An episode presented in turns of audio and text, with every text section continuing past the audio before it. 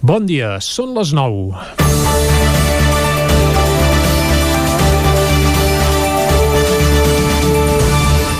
Joan Laporta tornarà a ser president del Futbol Club Barcelona, l'entitat més rellevant dels països catalans pel que fa a número de socis, al costat d'Òmnium Cultural o en un altre àmbit, el Club Super 3, doncs tornarà a estar encapçalada per Laporta.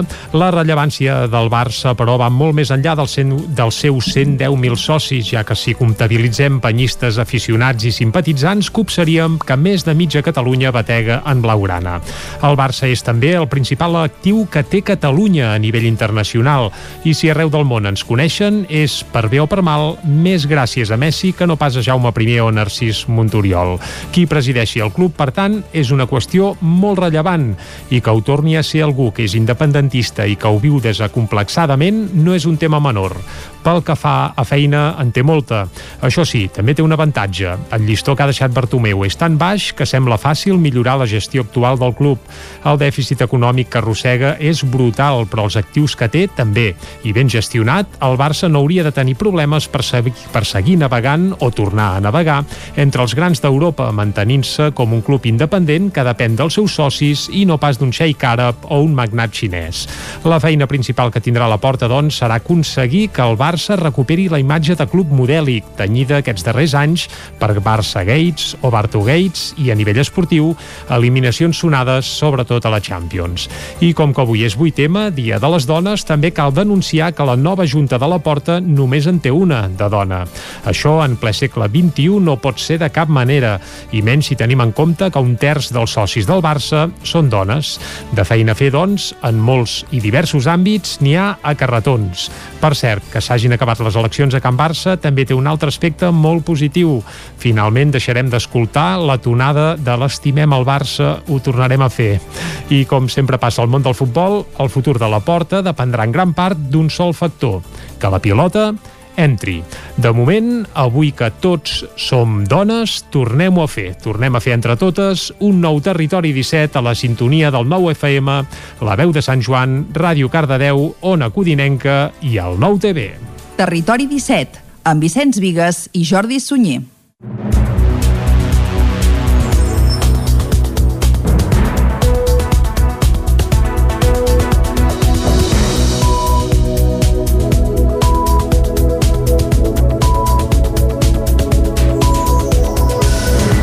Són les 9 i gairebé 3 minuts del dilluns 8 de maig de 2021. Arrenca aquí un nou Territori 17 que avui, com tots els dilluns, tindrà un marcat caràcter esportiu.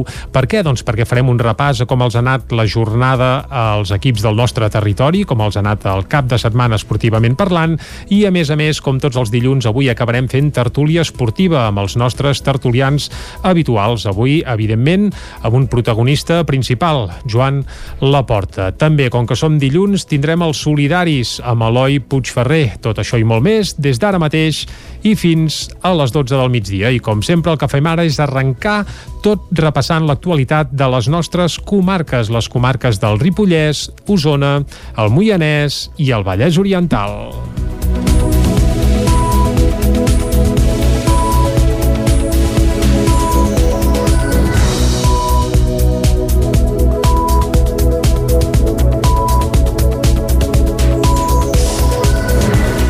A Osona i el Lluçanès, el comitè de vaga del 8M s'ha organitzat per quart any consecutiu per reivindicar els drets de les dones el 8 de març. Els primers actes organitzats pel comitè de vaga ja es van dur a terme la setmana passada. Avui els actes començaran amb un esmorzar popular i una performance itinerant. Continuarà amb un dinar i un taller de pancartes de cara a la manifestació del vespre, que serà l'únic acte mix de la mobilització. Sortirà a dos quarts de vuit de la plaça de l'estació de Vic. Aquest any, el 8 de març, arriba amb un eix principal, la pandèmia i el gènere, a partir del qual s'han organitzat en tres branques, salut, violències i anticapitalisme. A Osona i el Lluçanès hi han afegit un quart àmbit sobre les feines de les dones, la presentació d'un llibre sobre economia feminista i solidària càrrec de ramaderes.cat i una acció sorpresa tancaran la commemoració del 8 de març a Osona i el Lluçanès. Els agressors que practiquen la violència masclista són cada cop més joves. Isaac Muntades, des de la veu de Sant Joan. Des de l'any 2003, el govern de l'estat espanyol ha registrat un total de 1.081 dones mortes per culpa de la violència masclista, una dada preocupant i que encara que pugui ser un problema allunyat del Ripollès, no ho és, segons explicaven la coordinadora del Servei d'Informació i Atenció a les Dones, Carme Berrocal, i la responsable de Treball Comunitari, Núria Riera, que van apuntar que moltes de les denunciants eren noies joves, precisament perquè l'edat de l'agressor també ha baixat. Berrocal Cal i Riera van apuntar que cal actuar com més aviat millor per evitar que això succeeixi. L'agressor moltes vegades exerceix un total control. Sí que aprofitant això hi ha un, una línia de telèfon que no deixa rastre i que és gratuïta per les persones que volen parlar i ser ateses. Aquest telèfon és el 900 900 120, no deixa rastre en el telèfon i les persones moltes vegades, les dones, poden trucar per ser escoltades. No vol dir que evolucioni cap a res més. A vegades estan en un moment crític, com que és un telèfon que funciona a les 24 hores del dia, els 365 dies a l'any, poden trucar. També van expressar que en molts anuncis televisius, cançons o sèries de televisió es mostra un tracte cap a la dona molt concret que després penetra la societat. Pel que fa a la situació de la dona maltractada durant la pandèmia, encara no tenen dades concretes de l'any passat, però dedueixen que quan s'acabi el confinament hi haurà més denúncies, ja que moltes d'aquestes dones tenen problemes econòmics perquè no poden treballar i en molts casos no cobren cap prestació i el més segur per elles és quedar-se amb l'agressor. Berrocal també va advertir que les dones es poden posar en contacte amb el CIAT en cas de patir agressions. Per tant, hem de treballar amb la línia de fer prevenció a les escoles contra més aviat millor. Això lliga també una mica amb els clixés no? i les desigualtats de gènere que hi ha des de ben petitons. A la campanya de Nadal passada eh, vam fer un treball que vam poder entrar a algun centre escolar amb nens i nenes de P5 i de primer i de segon i ja es palpa molt aquesta desigualtat de gènere, és a dir, aquests clixés mentals dels colors roses són per les nenes, els colors blaus són pels nens, o hi ha joguines que són de nenes o hi ha joguines que són de nens, això des de molt petitons i, i petitons està bastant inculcat. És un tema que sorprèn. Durant el confinament sí que van començar fent videoconferències per atendre les dones, però ara han prioritzat l'atenció presencial. Des del CIAT tenen pocs recursos, però sí que poden oferir suport psicològic de treballadors socials o amb advocats per tràmits judicials. Creativitat amb veu i mans de dona és el leitmotiv del cosidor Pas a Pas, un projecte d'empoderament social laboral liderat pel Casal Claret de Vic. Els baixos del Casal Claret al carrer de la Ramada de Vic hi ha obert portes al cosidor Pas a Pas. Amb aquest projecte l'entitat fa un pas endavant en el taller de costura que durant anys s'ha fet al tercer pis de l'edifici. La Hanifa, la Fècria i la Hanane són les tres dones que el Casal Claret ha contractat per tirar endavant el projecte. Per a dues d'elles aquest ha estat el seu primer contracte laboral. De fet, la FECRIA és la única que anteriorment havia treballat abans de deixar el Marroc per venir a Catalunya. Treballava a una fàbrica de confecció. A la botiga taller s'hi accepten encàrrecs de tota mena. Fan vores de pantalons i tota mena d'arranjaments de roba, però també elaboren productes propis, bosses de roba per posar-s'hi l'esmorzar o el berenar, disc desmaquillants reutilitzables, mascaretes i complements pel cabell. Una de les línies que també han començat a explorar és la de la confecció a petita escala, col·laboracions amb empreses o entitats i amb dissenyadors emergents de la comarca. Dues representacions teatrals centren els actes del Dia de la Dona a Sant Feliu de Codines. Caral Campàs, des d'Ona Codinenca. La programació municipal s'ha iniciat aquest dissabte amb la representació de la inauguració a càrrec de la companyia Les Cacofòniques que ha exaurit entrades. Un espectacle que combina la reivindicació i l'humor a través del teatre de carrer amb tres pallasses com a protagonistes. Tot l'espectacle es desenvolupa al voltant de la inauguració d'una nova font que en aquest cas ha estat el jardí de Can Buixó. Marta Renyer, Cristi Gar Garbo i Emma Bassas són les Cacofòniques, una companyia de nova creació que va estrenar aquest espectacle en la darrera edició del Festival Internacional de Pallasses del Circric. Aquesta actuació es combinarà amb la que es farà aquest dilluns a la tarda titulada La veritat de les princeses. En aquest cas s'adreça a un públic més infantil, un espectacle de Clara Algaba eh, que s'inspira en el llibre Les princeses també estiran pets i que s'inclourà també un taller de titelles amb material reciclat. Malestar, sí, al barri de la Granada de Cardedeu pels constants intents, ara sí que ho direm bé, uh, pels constants instent, intents d'ocupació d'una casa. Un grup de veïns està fart dels sorolls passat el toc de queda, de no poder dormir a les nits i de tenir por estant a casa seva. David Auladell, de Ràdio Televisió, Cardedeu. Un grup de veïns del barri de la Granada es queixen perquè cada vegada hi ha més habitatges ocupats a la zona. El problema no és l'ocupació en si, sinó la gent que hi rom dins dels habitatges. Ells asseguren que són gent conflictiva que fa festes i soroll fins a altes hores de la matinada. Darrerament estan patint un intent d'ocupació a una altra casa i estan farts de trucar a la policia i que no es pugui fer res. Antonio Zurita i Antonia Luit, veïns del barri de la Granada. Y ahora, claro, están intentando ocupar esta casa y la verdad es creo que es la opinión de todos, que la policía creo que podría hacer un poquito más. Porque claro, como puedes ver, poner eso pues no impide que puedan entrar. Y no son ocupaciones de una familia que más o menos todos estaríamos de acuerdo que si fuera una familia, pues bueno, no tiene dónde ir, pero si no son gente que crean el incivismo y este barrio siempre ha sido un barrio tranquilo. Creemos que podría hacer un poquito más, sobre todo el ayuntamiento, quizá hablar con los, con los dueños, porque nosotros no tenemos la capacidad de poder hablar con los dueños. El, el dueño de la casa se desentiende y claro, esto genera pues este conflicto que te digo que está estresando bastante al barrio. Noche esta no han venido, pero la noche pasada sí vinieron. Esta noche no digo que nos den la fiesta, pero es que no duermes ya. Porque a partir de las dos es cuando empiezan a, a dar jarana. Y, y, todo el mundo, todo el mundo. Y no, no, no es plan, no duermes. Estás a disgusto. Els veïns ja ho han denunciat diverses vegades i han parlat amb el consistori i la policia, però estan farts de la situació i volen solucions per poder viure tranquils al seu barri amb les seves famílies. Els Mossos d'Esquadra van, tenir, van detenir dijous un home de 25 anys, veí de Vic, com a presumpte autor del robatori a l'interior de 23 trasters. Els fets van passar el 22 de febrer en un bloc de pisos del carrer Menéndez Pelayo. Els autors van entrar a l'aparcament comunitari i van forçar els locals i es van emportar bicicletes, patinets, cascos de moto i productes d'alimentació, entre d'altres. La investigació policial va determinar que els autors dels fets eren tres persones. De moment s'ha pogut detenir un dels presumptes autors i s'està buscant els altres les dos. El detingut va passar el mateix dijous a disposició del jutjat en funcions de Guàrdia de Vic.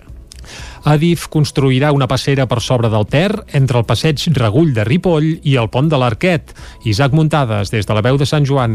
Després de moltes reclamacions i insistència, l'Ajuntament de Ripoll, Adif i el Ministeri de Transports, Mobilitat i Agenda Urbana han formalitzat un conveni per tal que es construeixi una passera entre el passeig Regull i el pont de l'Arquet que creui per sobre del riu Ter i permeti superar la via del tren a Ripoll. Un fet que, segons el regidor i cap de l'àrea de serveis al territori, sostenibilitat i empresa, Joaquim Colomer, augmentarà la seguretat de tots els veïns del barri de la carretera Barcelona Barcelona, ja que s'havia fet palès que era impossible soterrar les vies o fer un pas elevat pel tren. Colomer va recordar que l'Ajuntament de Ripoll havia enviat dos projectes a DIF, els quals havien quedat validats i estan a l'espera de veure quin s'escull. Colomer detallava el projecte i quin cost tindrà. Però perquè ens en fem una idea, això seria doncs, una espècie de pont, podem imaginar-nos doncs, com el pont que hi ha a la zona de la Lira, doncs, que tenés des de la zona on ara hi ha la, la xurreria, pràcticament, fins a la zona de l'Arquet. Sí, sí, evidentment eh, serà doncs, accessible per tothom, com el pont de la Lira, i pot passar una cadira de rodes com un, una persona, un, un peató. No, això estàvem parlant d'una obra superior al milió d'euros i diria més cap a un milió i mig d'euros i això doncs finançarà tot Adif. Colomer va dir que les reunions amb Adif havien estat molt fructíferes i que el grup municipal del PSC també s'hi va involucrar força, ja que van estar presents a totes les reunions per desencallar aquest assumpte. A canvi de la inversió, l'Ajuntament haurà d'eliminar entre 4 i 5 passos a nivell del municipi. Per exemple, a la zona d'Ordina n'hi ha uns quants i només se'n quedaran amb un parell. Cal dir que aquesta actuació de supressió de passos a nivell s'incorpora dins del milió i mig d'euros d'inversió de DIF. Encara no hi ha termini sobre la taula per començar l'obra. En canvi, sí que hi ha novetats positives pel viaducte del pont de l'estació fins a l'entrada al túnel. El que sí que ja està licitat és la reforma, les reparacions d'aquí de, del viaducte aquest o de, del pont, que m'havia queixat jo moltes vegades. Aquest sí que ahir mateix el, el subdelegat del govern, en Bramont, el confinant doncs, que vaig veure amb ell a Sant Joan de les Abadeses, li vaig reclamar i ahir mateix em va dir doncs, que això ja estava licitat i que per tant s'executarà de forma imminent. Estem parlant de mesos. Com que això són partides de recuperació, normalment posen una partida alçada i no, no, no el tanquen sinó que, que van tirant fins a deixar-ho del tot, del tot bé sanejat i arreglat. Per tant, pot arribar a ser una partida bastant alta, també. Ara només faltaria solucionar el tema de la caseta guardagulles de l'entrada del túnel que genera mala imatge pel seu mal estat i problemes d'humitats i d'insectes als veïns. Caldrà veure si es conserva arreglant la teulada o si s'enderroca. I fins aquí el butlletí informatiu que us hem ofert com sempre amb les veus de Clàudia Dinarès, David Auladell, Caral Campàs i Isaac Muntades. I ara, com sempre, després de les notícies, el que arriba és la informació meteorològica.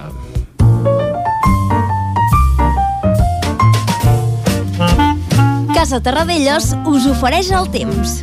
I aquí a Territori 17, quan parlem del temps, el que fem és saludar en Pep Acosta, que ens explicarà quin temps ens espera per a les properes hores. No sé si ho tindrem remullat o no, això. Pep, molt bon dia. Hola, molt bon dia a tothom. Bon dia, bon dia. Per fi, això sí, ha marxat la pols africana en suspensió. I era hora, no n'hi sí. ha tanta, Uh -huh. però han quedat moltes boires, molts núvols baixos. Uh, Déu-n'hi-do, déu nhi déu quin de núvols tenim. Uh, és una situació que feia setmanes que no, que no teníem, eh? Tant, tants dies de núvols seguits, feia dies que no passava. El cap de setmana també ha sigut protagonista de la pluja, sobretot les tardes de divendres i dissabte. I on més ha plogut de Catalunya, de tot Catalunya, ha sigut les nostres comarques. Cap al nord-est, al nord d'Osona i el Ripollès s'han acumulat durant tot el cap de setmana entre 20 i 30 litres. Mm, I va, vaig afinar bastant, jo mm, vaig afinar bastant i, És veritat, sí, i sí. vaig... Uh, em poso una petita medalleta Sí, sí, sí. sí. vaig endivinar bastant Medalla, que va, planta, no han sigut sí, sí. pluges generals jo pensava que plouria una mica més cap al prelitoral, la veritat i ha plogut molt poc ahir va ploure una mica però bueno, va ser molt, molt poca cosa molt poca cosa i les temperatures que han baixat ha fet més fred aquest cap de setmana no ha fet fred ni de bon tros, però sí que l'ambient ha estat una mica més, més fred, eh? Hem tingut una, un cap de setmana allò més propi d'inicis de, de, de març. I avui què ens espera? Què ens espera aquest dilluns? Aviam.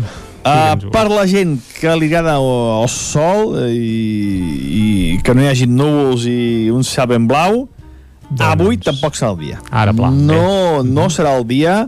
Tindrem un dia molt ennubulat, molt, molt, molt, moltes, molts núvols baixos, amb molta humitat, en definitiva, un dia molt, molt, molt, molt tapat, eh? En poca estona veurem el sol. Les temperatures en mateix han baixat, està glaçant a les zones més altes del Pirineu de manera moderada, 4, 5, 6 graus sota zero. També ha glaçat el cim de Puig de Zolles, el cim del Montseny. Uh, per tant, tenim un ambient bastant, bastant fred ara mateix. A les poblacions, la majoria de les temperatures estan entre els 5 i els 10 graus. De cara a la tarda, creixeran nuvolades, mm, semblants a les de divendres i dissabte tarda. On més probabilitat de pluja hi ha és a les zones de muntanya novament. Cap al nord d'Osona, Montseny, Guilleries, el Transversal... Jo crec que entre 5, 10, 15 litres a sota estirar. Alguna probabilitat de petita tempesta la tenim. Uh -huh. I unes temperatures avui que baixaran. Les màximes a tots els pobles i ciutats es bellugaran entre els 8 i els 12 13 graus. Uh, són unes temperatures força baixes, força baixes per, a, per l'època de l'any, tot i que no fa molt de fred, ni molt menys, però sí que és un ambient bastant fred. Uh, a mi m'agrada que facin les temperatures que toca, que haurien de ser. I aquesta setmana sembla que tota la setmana tocarà això, temperatures pròpies de, de l'època de l'any. I abans d'acabar, uh, un petit resum. Avui, dia això, encapotat, tapat, molt poc, molt poc sol, uh, algun ruixat ja al matí, poca cosa, però crec que de cara a la tarda és quan pot ploure més amb el creixent nuvolades, sobretot a les zones de muntanya. Tornem a repetir les tempestes de divendres i de dissabte tarda. I unes temperatures força baixes, força baixes, eh, normals per l'època de l'any. Moltes gràcies i fins demà, que veurem si, si arriba l'estabilitat i arriba el sol, tot i que aquesta setmana en veurem, en veurem poc de sol, eh? serà, mm -hmm. serà complicat. Moltes gràcies, adeu. Doncs vinga, Pep, moltes gràcies a tu i aquesta tarda agafarem el paraigua. Estarem al cas dels possibles ruixats que ja ens has augurat que possiblement cauran aquí a Territori 17. Un cop fet el pas per la meteorologia, el que ens toca ara és anar cap al quiosc. Anem-hi. Casa Tarradellas us ha ofert aquest espai. Territori 17. Envia'ns les teves notes de veu per WhatsApp al 646 079 023. 646 079 023. WhatsApp Territori 17.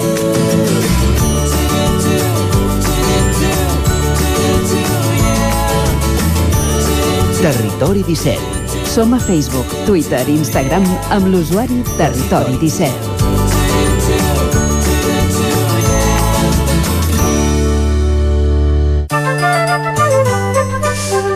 Doncs vinga, ja som al quiosc i saludem per tant de nou a la Clàudia Dinarès. Clàudia, bon dia altra vegada. Molt bon dia. I com que som dilluns, avui arrenquem per les portades del 9-9, oi? Correcte, és dilluns uh -huh. i a més a més és dilluns dia 8 de març, això vol dir que avui els diaris obren amb el color lila com a protagonista, el 9-9. 9-9 amb el llaç lila, Exactament. avui, en comptes del groc habitual. Evidentment, en avui obre del amb el llaç uh, lila uh, i el titular diu la pandèmia ha eixamplat les diferències laborals entre homes i dones. A Osona la taxa d'atur femení és 4 punts més alta. Aquest dilluns hi ha diversos actes pel 8 tema. Protesta pel pas alternatiu de Sant Fores, és el que veiem a la imatge. Més titulars, desarticulada una banda que va robar una empresa de roda fent-se passar per missatgers.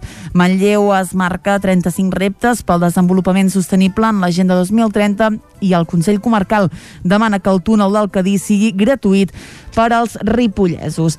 Anem a l'edició del Vallès Oriental que diu la integració dels nois migrants no acompanyats de Sant Pere funciona. El rebuig inicial d'alguns veïns s'esvaeix amb l'arrelament en marxa de la vintena de joves.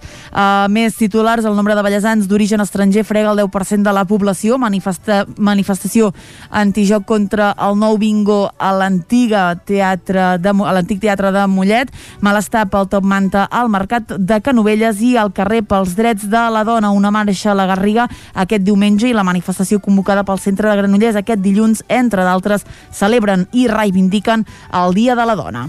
Molt bé, anem ara a les portades d'àmbit nacional. Que, què ens expliquen, Clàudia? Portades que, per cert, avui també obren amb el color lila predominant. És el cas del punt avui, que diu vuitema pandèmia, parla de la pandèmia. La Covid agreuja la desigualtat i les feines feminitzades, les més afectades per la crisi. Parla de protestes, diu tot i les restriccions, el vuitema no renuncia al carrer i avui hi haurà mobilitzacions adaptades. També parla de reclamacions, la falta de feina i les demores en el pagament d'ajudes han posat al límit moltes dones. A l'Orient Mitjà les dones denuncien la violència masclista a la regió i lluiten per posar-hi fi i en Cultura Nou Dones parlen de les dificultats que han trobat. Tot això ho acompanyen doncs amb una imatge que diu 8 2021, juntes diverses i rebels som imparables, sempre feministes, anticapitalistes i anticolonialistes. Avui les portades són liles, però també una mica blaugranes. Avui veiem eh, les portades a la porta, que diu guanya per col·lejar de nou president del Barça amb el 54,2% dels vots. Anem al diari Ara que diu guanya la porta. L'expresident s'imposa amb el 54% dels vots a les candidatures de Font i de Freixa. Més de 50.000 socis del Barça, entre ells Leo Messi, participen en els comicis tot i la pandèmia. Uh, com veiem fa un moment, la pandèmia marca les mobilitzacions del 8 de març. Ha convocada una vaga i concentracions estàtiques. I el papa, que també el veurem en diferents portades, tanca el viatge a l'Iraq, a les ruïnes de Mossul. Anem avançant, anem al periòdico que avui obre amb una portada completament de color lila, diu lluita diària per la igualtat. El feminisme afronta la seva jornada reivindicativa més atípica al carrer i amb el repte laboral més gran. Amb un hashtag que diu amb nosaltres 8M, el periòdico acompanya a les xarxes les informacions sobre el dia de la dona. L'altre protagonista és la Porta, que diu torna a presidir el Barça. L'exdirigent torna a agafar el timó del club una dècada després. El derrotar còmodament a Víctor Font i també a Toni Freixa. Anem a l'avantguàrdia que diu la lluita feminista continua tot i la Covid. Sánchez apunta a la ultradreta com el gran enemic del feminisme. La Porta torna a la presidència del Barça i Francesc, que és el papa, mm. eh, crida a la reconciliació al bressol del califat. Suïssa, amb aquest titular acabem, suposa que les musulmanes portin la cara tapada. Anem ara cap a les portades d'àmbit estatal, les que s'editen des de Madrid. Que, què diuen, Clàudia? Aquí veiem també color lila, tot i que hem de dir que no tant com a les portades catalanes, comencem amb el país que diu el feminisme aparca les seves diferències en el vuit tema de la pandèmia, la precarietat agreuja per la, agreujada per la crisi, perdoneu, a l'agenda d'aquest any. Aquí ja tornem a veure el papa que diu res amb els cristians entre les ruïnes de l'ISIS i la porta torna a la presidència del Barça. El Mundo Vox puja mentre el 40% dels votants del PP reprova a Casado. A Bascal avança gairebé dos punts en un mes i només el 34% dels electors populars dona suport a la línia del seu líder. Aquí també parla del fiasco de limitar els lloguers i una dada que dona el Mundo diu el 73% dels espanyols creu que les marxes del 8 tema de 2020 van ser un error. A la Razón també parlen de dades relacionades al, al 8M que diu el 75% de les dones dona suport a prohibir les marxes és una dada que dona la raó, eh? Uh, que per cert avui obre amb l'accent de razón uh, de color lila, és l'única uh, expressió feminista que trobem avui en aquesta portada, uh, que obre dient que Bárcenes col·loca el punt de mira a Aguirre i també a Cospedal. Uh, sí que parla molt del derbi que diu apreta la Lliga, Benzema empata 1 a 1 i complica el futur a l'Atlètic i la porta arrasa en les eleccions i serà el nou president del Futbol Club Barcelona. Acabem, com sempre, amb l'ABC, amb l'ABC que obre uh mhm. -huh. amb el papa, no pas amb feminisme. Uh, diu el papa a l'Iraq, diu no és lícit fer la guerra en nom de Déu. A la part uh, inferior de la portada diu uh, ETA utilitzava dones com a visitadores sexuals dels presos. Bé, uh, doncs amb això tancarem el repàs a les portades uh, d'aquest dilluns, dia 8 de març. Clàudia, moltes gràcies. Fins ara.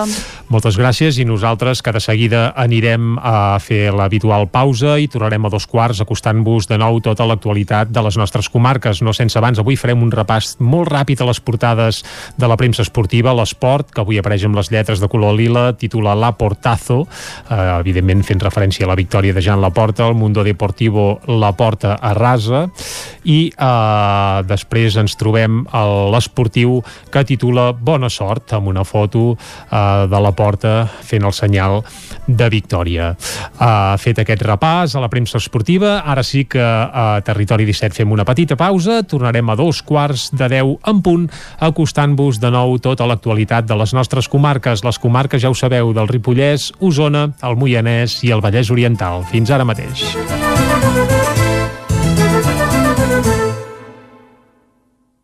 FM, la ràdio de casa, al 92.8. A Vic, T52, un taller d'emocions. Una celebració, un reconeixement, un record, la victòria, el premi. Tenim una solució personalitzada per a cada ocasió. Ens trobaràs al centre, al carrer 941 i també a l'Horta Vermella, al carrer Menéndez Pelayo 31. Més informació a t52.cat.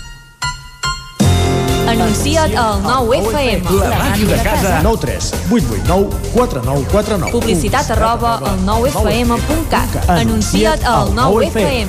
La publicitat més eficaç. Amb Pradell estalvio energia i cuido la meva butxaca i el medi ambient. Posa't en mans de Pradell. Són experts en calderes de gas i condensació, estufes de pèl·let, energia solar, terres radiants, geotèrmia i aerotèrmia.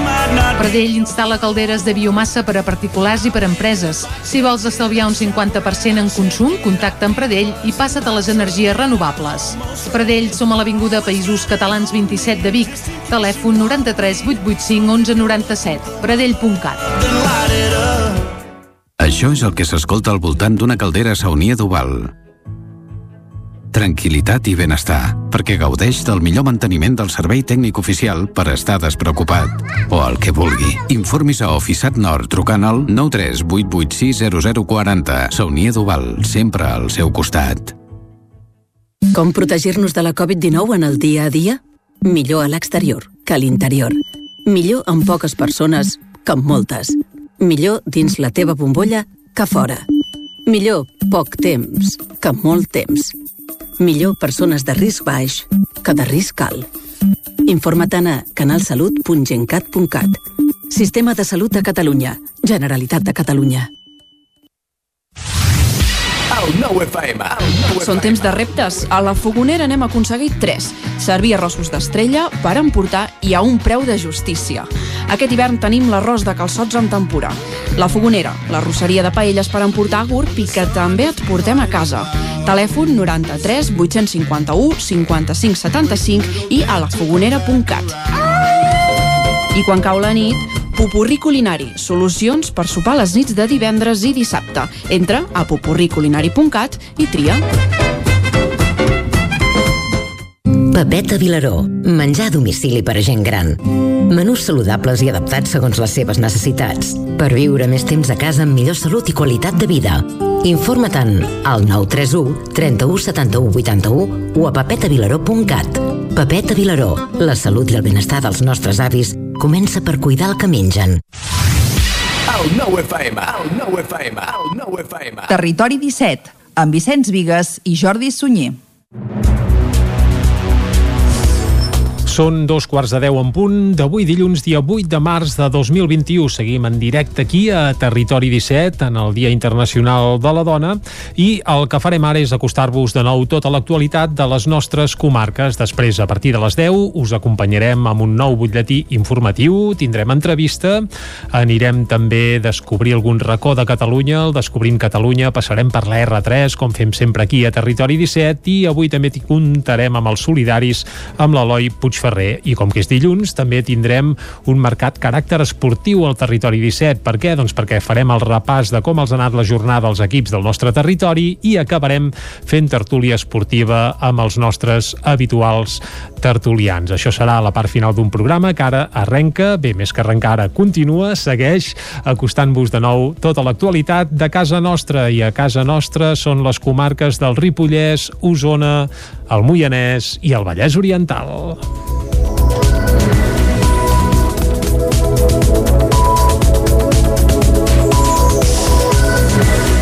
A Osona i el Lluçanès, el comitè de vaga del 8M s'ha organitzat per quart any consecutiu per reivindicar els drets de les el 8 de març. Els primers actes organitzats pel comitè de vaga ja es van dur a terme la setmana passada. Avui els actes començaran amb un esmorzar popular i una performance itinerant. Continuarà amb un dinar i un taller de pancartes de cara a la manifestació del vespre, que serà l'únic acte mix de la mobilització. Sortirà a dos quarts de vuit de la plaça de l'estació de Vic. Aquest any, el 8 de març, arriba amb un eix principal, la pandèmia i el gènere, a partir del estan organitzat en tres branques, salut, violències i anticapitalisme. A Osona i el Lluçanès hi han afegit un quart àmbit sobre les feines de les dones, la presentació d'un llibre sobre economia feminista i solidària càrrec de ramaderes.cat i una acció sorpresa tancaran la commemoració del 8 de març a Osona i el Lluçanès. Els agressors que practiquen la violència masclista són cada cop més joves. Isaac Muntades, des de la veu de Sant Joan. Des de l'any 2003, el govern de l'estat espanyol ha registrat un total de 1.081 dones mortes per culpa de la violència masclista, una dada preocupant i que encara que pugui ser un problema allunyat del Ripollès, no ho és, segons explicaven la coordinadora del Servei d'Informació i Atenció a les Dones, Carme Berrocal, i la responsable de Treball Comunitari, Núria Riera, que van apuntar que moltes de les denunciants eren noies joves, precisament perquè l'edat de l'agressor també ha baixat. Berrocal Cal i Riera van apuntar que cal actuar com més aviat millor per evitar que això succeeixi. L'agressor moltes vegades exerceix un total control. Sí que aprofitant això hi ha un, una línia de telèfon que no deixa rastre i que és gratuïta per les persones que volen parlar i ser ateses. Aquest telèfon és el 900 900 120, no deixa rastre en el telèfon i les persones moltes vegades, les dones, poden trucar per ser escoltades. No vol dir que evolucioni cap a res més. A vegades estan en un moment crític, com que és un telèfon que funciona a les 24 hores del dia, els 365 dies de l'any, poden trucar. També van expressar que en molts anuncis televisius, cançons o sèries de televisió es mostra un tracte cap a la dona molt concret que després penetra la societat. Pel que fa a la situació de la dona maltractada durant la pandèmia, encara no tenen dades concretes de l'any passat, però dedueixen que quan s'acabi el confinament hi haurà més denúncies, ja que moltes d'aquestes dones tenen problemes econòmics perquè no poden treballar i en molts casos no cobren cap prestació i el més segur per elles és quedar-se amb l'agressor. Berrocal també va advertir que les dones es poden posar en contacte amb el CIAT en cas de patir agressions. Per tant, hem de treballar amb la línia de fer prevenció a les escoles contra més aviat millor. Això lliga també una mica amb els clixés no? i les desigualtats de gènere que hi ha des de ben petitons. A la campanya de Nadal passada eh, vam fer un treball que vam poder entrar a algun centre escolar amb nens i nenes de P5 i de primer i de segon i ja es palpa molt aquesta desigualtat de gènere, és a dir, aquests clixés mentals dels colors roses són per les nenes, els colors blaus són pels nens, o hi ha joguines que són de nenes o hi ha joguines que són de nens, això des de molt petitons i, i petitons està bastant inculcat. És un tema que sorprèn. Durant el confinament sí que van començar fent videoconferències per atendre les dones, però ara han prioritzat l'atenció presencial. Des del CIAT tenen pocs recursos, però sí que poden oferir suport psicològic de treballadors socials o amb advocats per tràmits judicials. Creativitat amb veu i mans de dona és el leitmotiv del cosidor Pas a Pas, un projecte d'empoderament social laboral liderat pel Casal Claret de Vic. Els baixos del Casal Claret al carrer de la Ramada de Vic hi ha obert portes al cosidor Pas a Pas. Amb aquest projecte l'entitat fa un pas endavant en el taller de costura que durant anys s'ha fet al tercer pis de l'edifici. La Hanifa, la Fècria i la Hanane són les tres dones que el Casal Claret ha contractat per tirar endavant el projecte. Per a dues d'elles aquest ha estat el seu primer contracte laboral. De fet, la FECRIA és la única que anteriorment havia treballat abans de deixar el Marroc per venir a Catalunya. Treballava a una fàbrica de confecció. A la botiga taller s'hi accepten encàrrecs de tota mena. Fan vores de pantalons i tota mena d'arranjaments de roba, però també elaboren productes propis, bosses de roba per posar-s'hi l'esmorzar o el berenar, disc desmaquillants reutilitzables, mascaretes i complements pel cabell. Una de les línies que també han començat a explorar és la de la confecció a petita escala, col·laboracions amb empreses o entitats i amb dissenyadors emergents de la comarca. Dues representacions teatrals centren els actes del Dia de la Dona a Sant Feliu de Codines. Caral Campàs, des d'Ona Codinenca. La programació municipal s'ha iniciat aquest dissabte amb la representació de la inauguració a càrrec de la companyia Les Cacofòniques que ha exaurit entrades. Un espectacle que combina la reivindicació i l'humor a través del teatre de carrer amb tres pallasses com a protagonistes. Tot l'espectacle es desenvolupa al voltant de la inauguració d'una nova font que en aquest cas ha estat el jardí de Can Buixó. Marta Renyer, Cristi Gar Garbo i Emma Bassas són les Cacofòniques, una companyia de nova creació que va estrenar aquest espectacle en la darrera edició del Festival Internacional de Pallasses del Circric. Aquesta actuació es combinarà amb la que es farà aquest dilluns a la tarda titulada La veritat de les princeses. En aquest cas s'adreça a un públic més infantil, un espectacle de Clara Algaba eh, que s'inspira en el llibre Les princeses també estiran pets i que s'inclourà també un taller de titelles amb material reciclat. Ah, malestar, sí, al barri de la Granada de Cardedeu pels constants insten, intents, ara sí que ho direm bé, uh, pels constants instent, intents d'ocupació d'una casa. Un grup de veïns està fart dels sorolls passat el toc de queda, de no poder dormir a les nits i de tenir por estant a casa seva. David Auladell, de Ràdio Televisió, Cardedeu. Un grup de veïns del barri de la Granada es queixen perquè cada vegada hi ha més habitatges ocupats a la zona. El problema no és l'ocupació en si, sinó la gent que hi rom dins dels habitatges. Ells asseguren que són gent conflictiva que fa festes i soroll fins a altes hores de la matinada. Darrerament estan patint un intent d'ocupació a una altra casa i estan farts de trucar a la policia i que no es pugui fer res. Antonio Zurita i Antonia Luit, veïns del barri de la Granada. Y ahora, claro, están intentando ocupar esta casa y la verdad es creo que es la opinión de todos, que la policía creo que podría hacer un poquito más. Porque claro, como puedes ver, poner eso pues no impide que puedan entrar. Y no son ocupaciones de una familia que más o menos todos estaríamos de acuerdo que si fuera una familia, pues bueno, no tiene dónde ir, pero si no son gente que crean el incivismo y este barrio siempre ha sido un barrio tranquilo. Creemos que podría hacer un poquito más, sobre todo el ayuntamiento, quizá hablar con los, con los dueños, porque nosotros no tenemos la capacidad de poder hablar con los dueños. El, el dueño de la casa se desentiende Y claro, esto genera pues este conflicto que te digo que está estresando bastante al barrio. La noche esta no han venido, pero la noche pasada sí vinieron. Esta noche no digo que nos den la fiesta, pero es que no duermes ya. Porque a partir de las dos es cuando empiezan a, dar jarana. Y todo el mundo, todo el mundo. Y no, no, no es plan, no duermes. Estás a disgusto. Els veïns ja ho han denunciat diverses vegades i han parlat amb el consistori i la policia, però estan farts de la situació i volen solucions per poder viure tranquils al seu barri amb les seves famílies. Els Mossos d'Esquadra van, tenir, van detenir dijous un home de 25 anys, veí de Vic, com a presumpte autor del robatori a l'interior de 23 trasters. Els fets van passar el 22 de febrer en un bloc de pisos del carrer Menéndez Pelayo. Els autors van entrar a l'aparcament comunitari i van forçar els locals i es van emportar bicicletes, patinets, cascos de moto i productes d'alimentació, entre d'altres.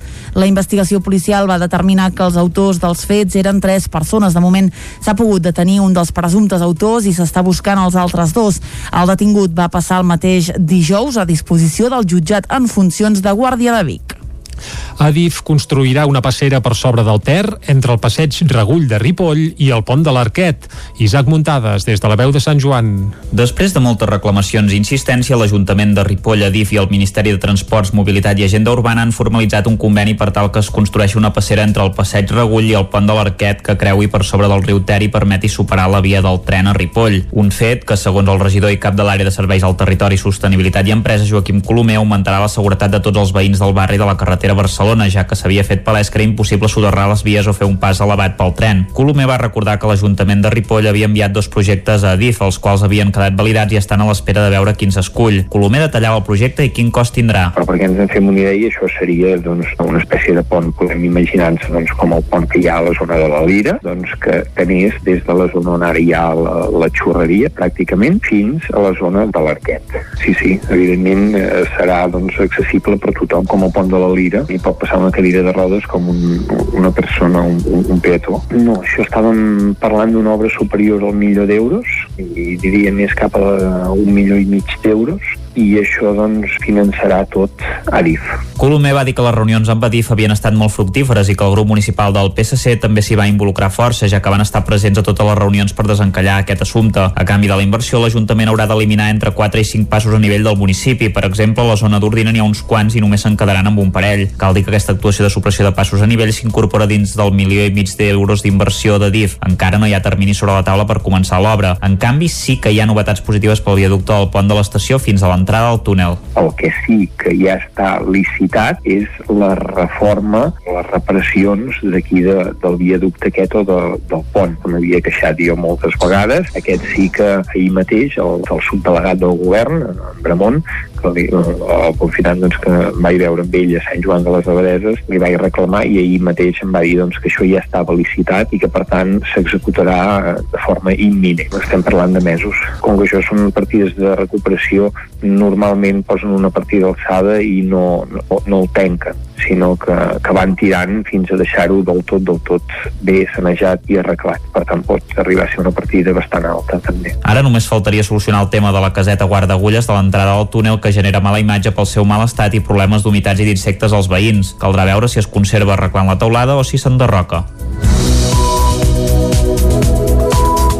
I fins aquí el butlletí informatiu que us hem ofert com sempre amb les veus de Clàudia Dinarès, David Auladell, Caral Campàs i Isaac Muntades. I ara, com sempre, després de les notícies, el que arriba és la informació meteorològica.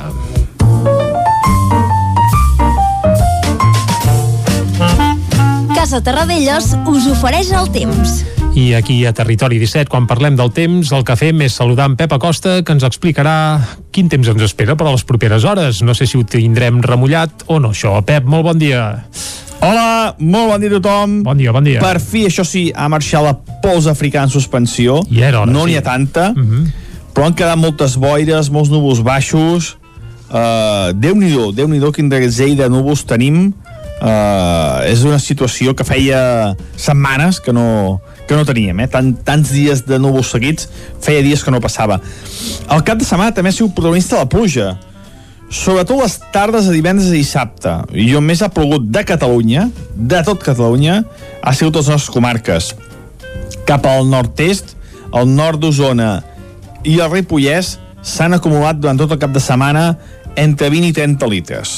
Mm, I va, vaig afinar bastant, jo vaig afinar bastant i, És veritat, sí, i sí. vaig... Uh, em poso una petita medalleta Sí, sí, sí. vaig endivinar bastant Medalla, va, planta, no han sigut sí, sí, pluges generals. Jo pensava que plouria una mica més cap al prelitoral, la veritat i ha plogut molt poc. Ahir va ploure una mica però bueno, va ser molt, molt poca cosa molt poca cosa.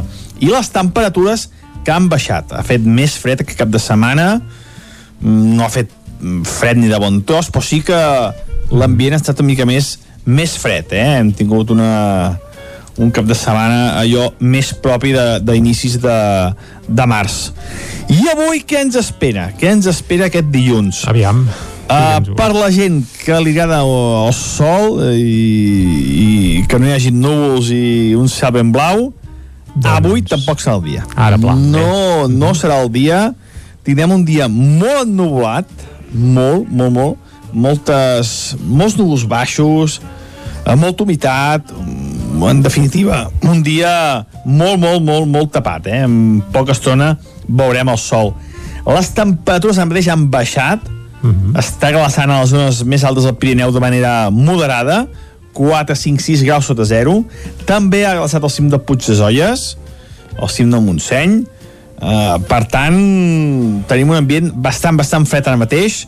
A les poblacions, la majoria de les temperatures estan entre els 5 i els 10 graus. De cara a la tarda, creixeran nuvolades mm, semblants a les de divendres i dissabte tarda. On més probabilitat de pluja hi ha és a les zones de muntanya novament. Cap al nord d'Osona, Montseny, Guilleries, la Transversal... Jo crec que entre 5, 10, 15 litres a sota estirar. Alguna probabilitat de petita tempesta la tenim. Uh -huh. I unes temperatures avui que baixaran.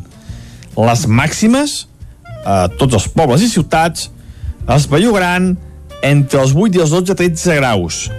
Uh, són unes temperatures força baixes força baixes per, a, per l'època de l'any tot i que no fa molt de fred ni molt menys però sí que és un ambient bastant fred. Uh, a mi m'agrada que facin les temperatures que toca, que haurien de ser.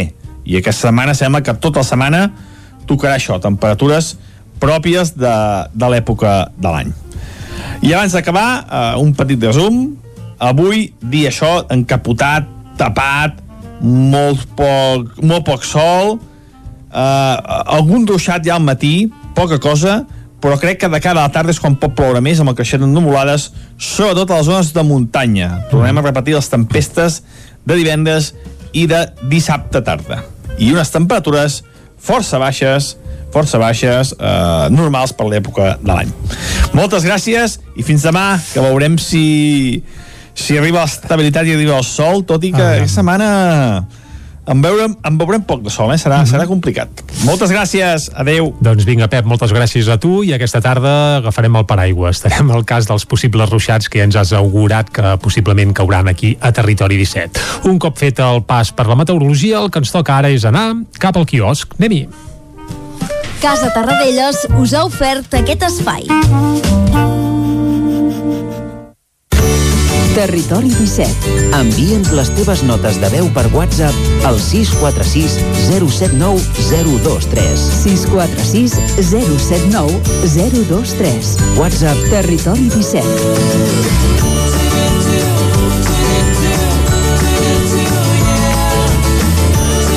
Territori 17. Som a Facebook, Twitter i Instagram amb l'usuari Territori 17.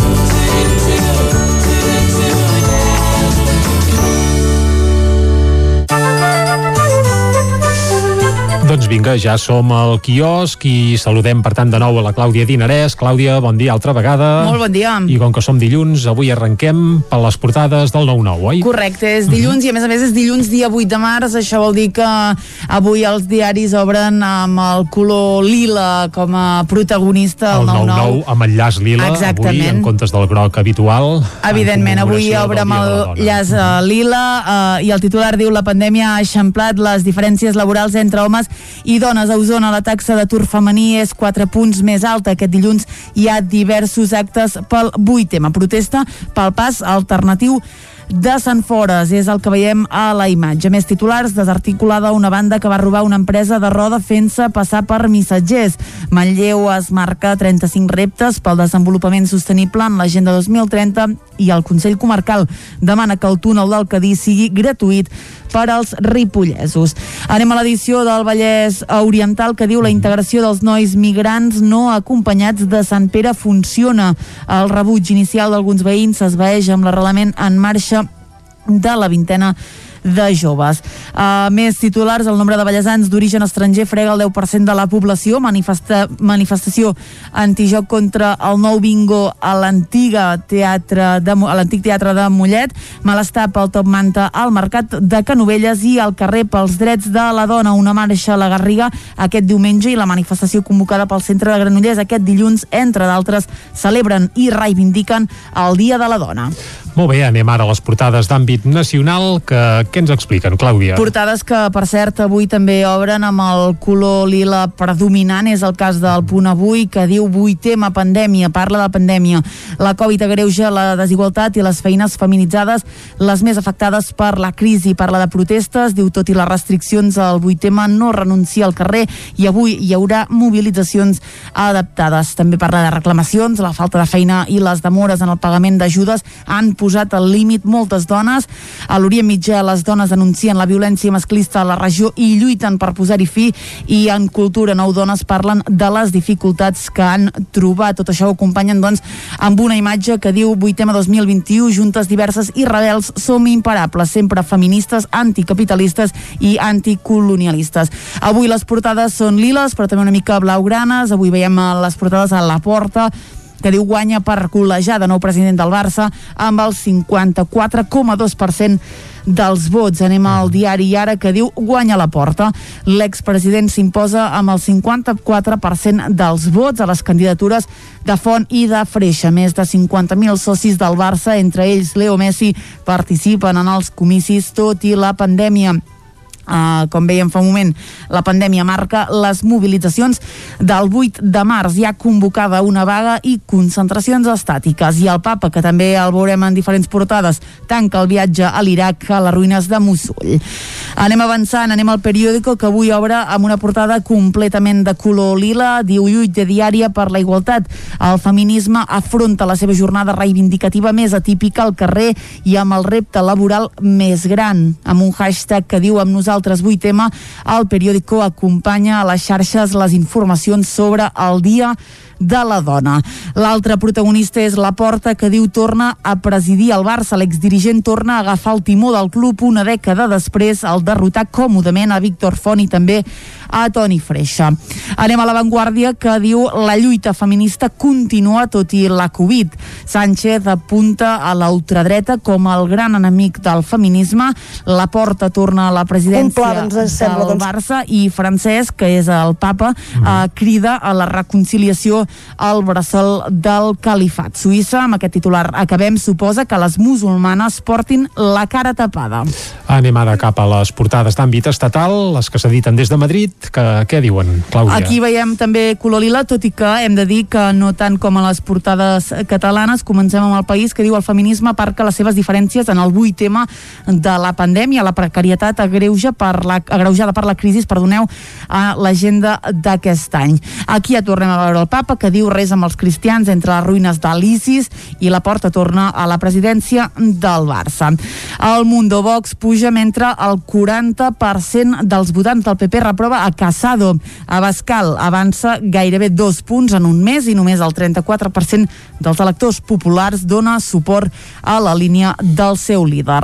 Aquí també parla del fiasco de limitar els lloguers i una dada que dona el Mundo diu el 73% dels espanyols creu que les marxes del 8M de 2020 van ser un error.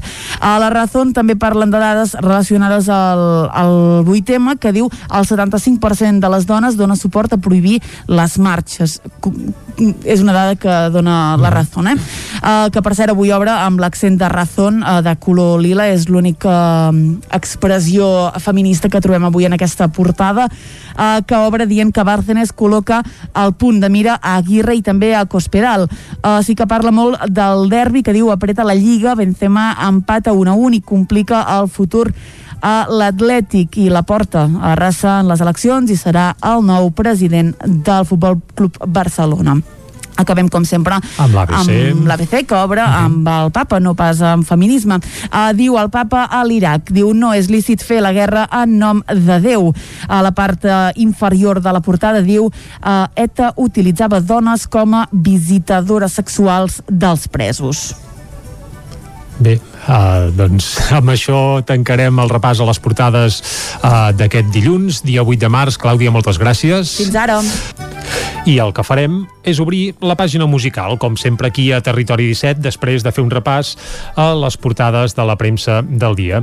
I avui, com que som 8 de març, doncs evidentment hem buscat una veu femenina per la cançó del dia i us oferirem una estrena d'aquelles mundials. Per què? Doncs va, perquè avui escoltarem uh, una novetat, que és una peça de la Carola Ortiz. Qui és la Carola Ortiz? Doncs és una compositora, cantant i clarinetista, que toca el clarinet, per tant, que el proper dia 8 d'abril editarà el seu tercer disc en solitari, un disc que es titularà Pecata Beata, i en aquest disc, doncs, per exemple, s'ha dedicat bàsicament a musicar versos d'escriptores catalanes.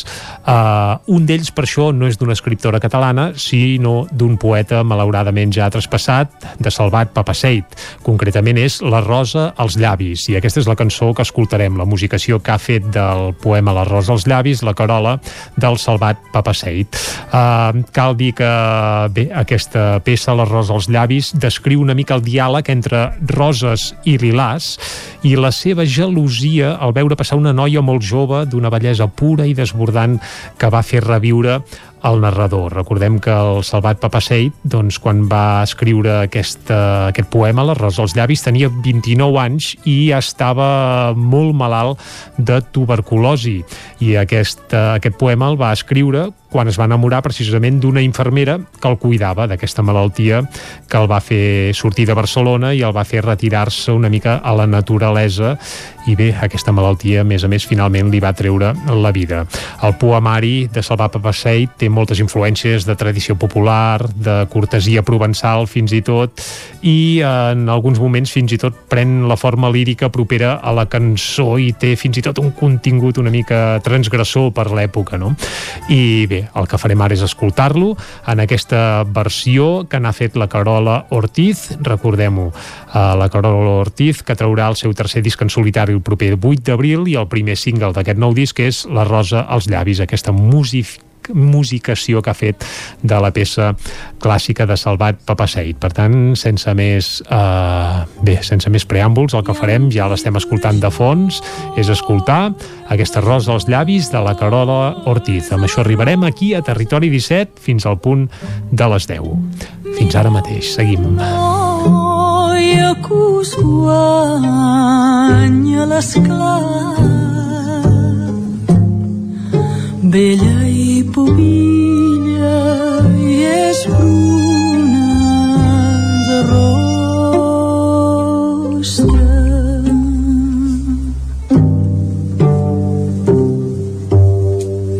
de tant que jove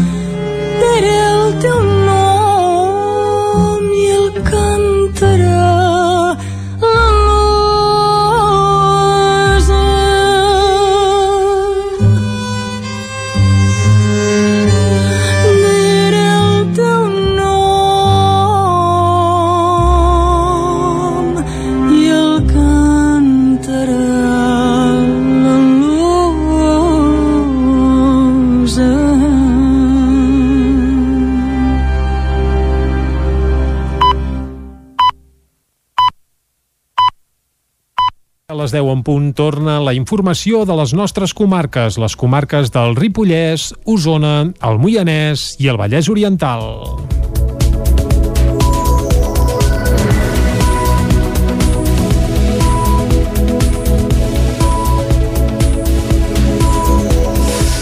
Des d'aquest divendres, el radar situat a la carretera C-17 al Pinós, en sentit sud, ja ha començat a sancionar. Des d'aquest divendres, el nou radar fix de la carretera C-17 a l'altura del Pinós ja està en funcionament i ha començat a sancionar. El dispositiu es va instal·lar en el punt quilomètric 42 al mes de setembre i des de llavors ha estat en període de proves per calibrar-lo.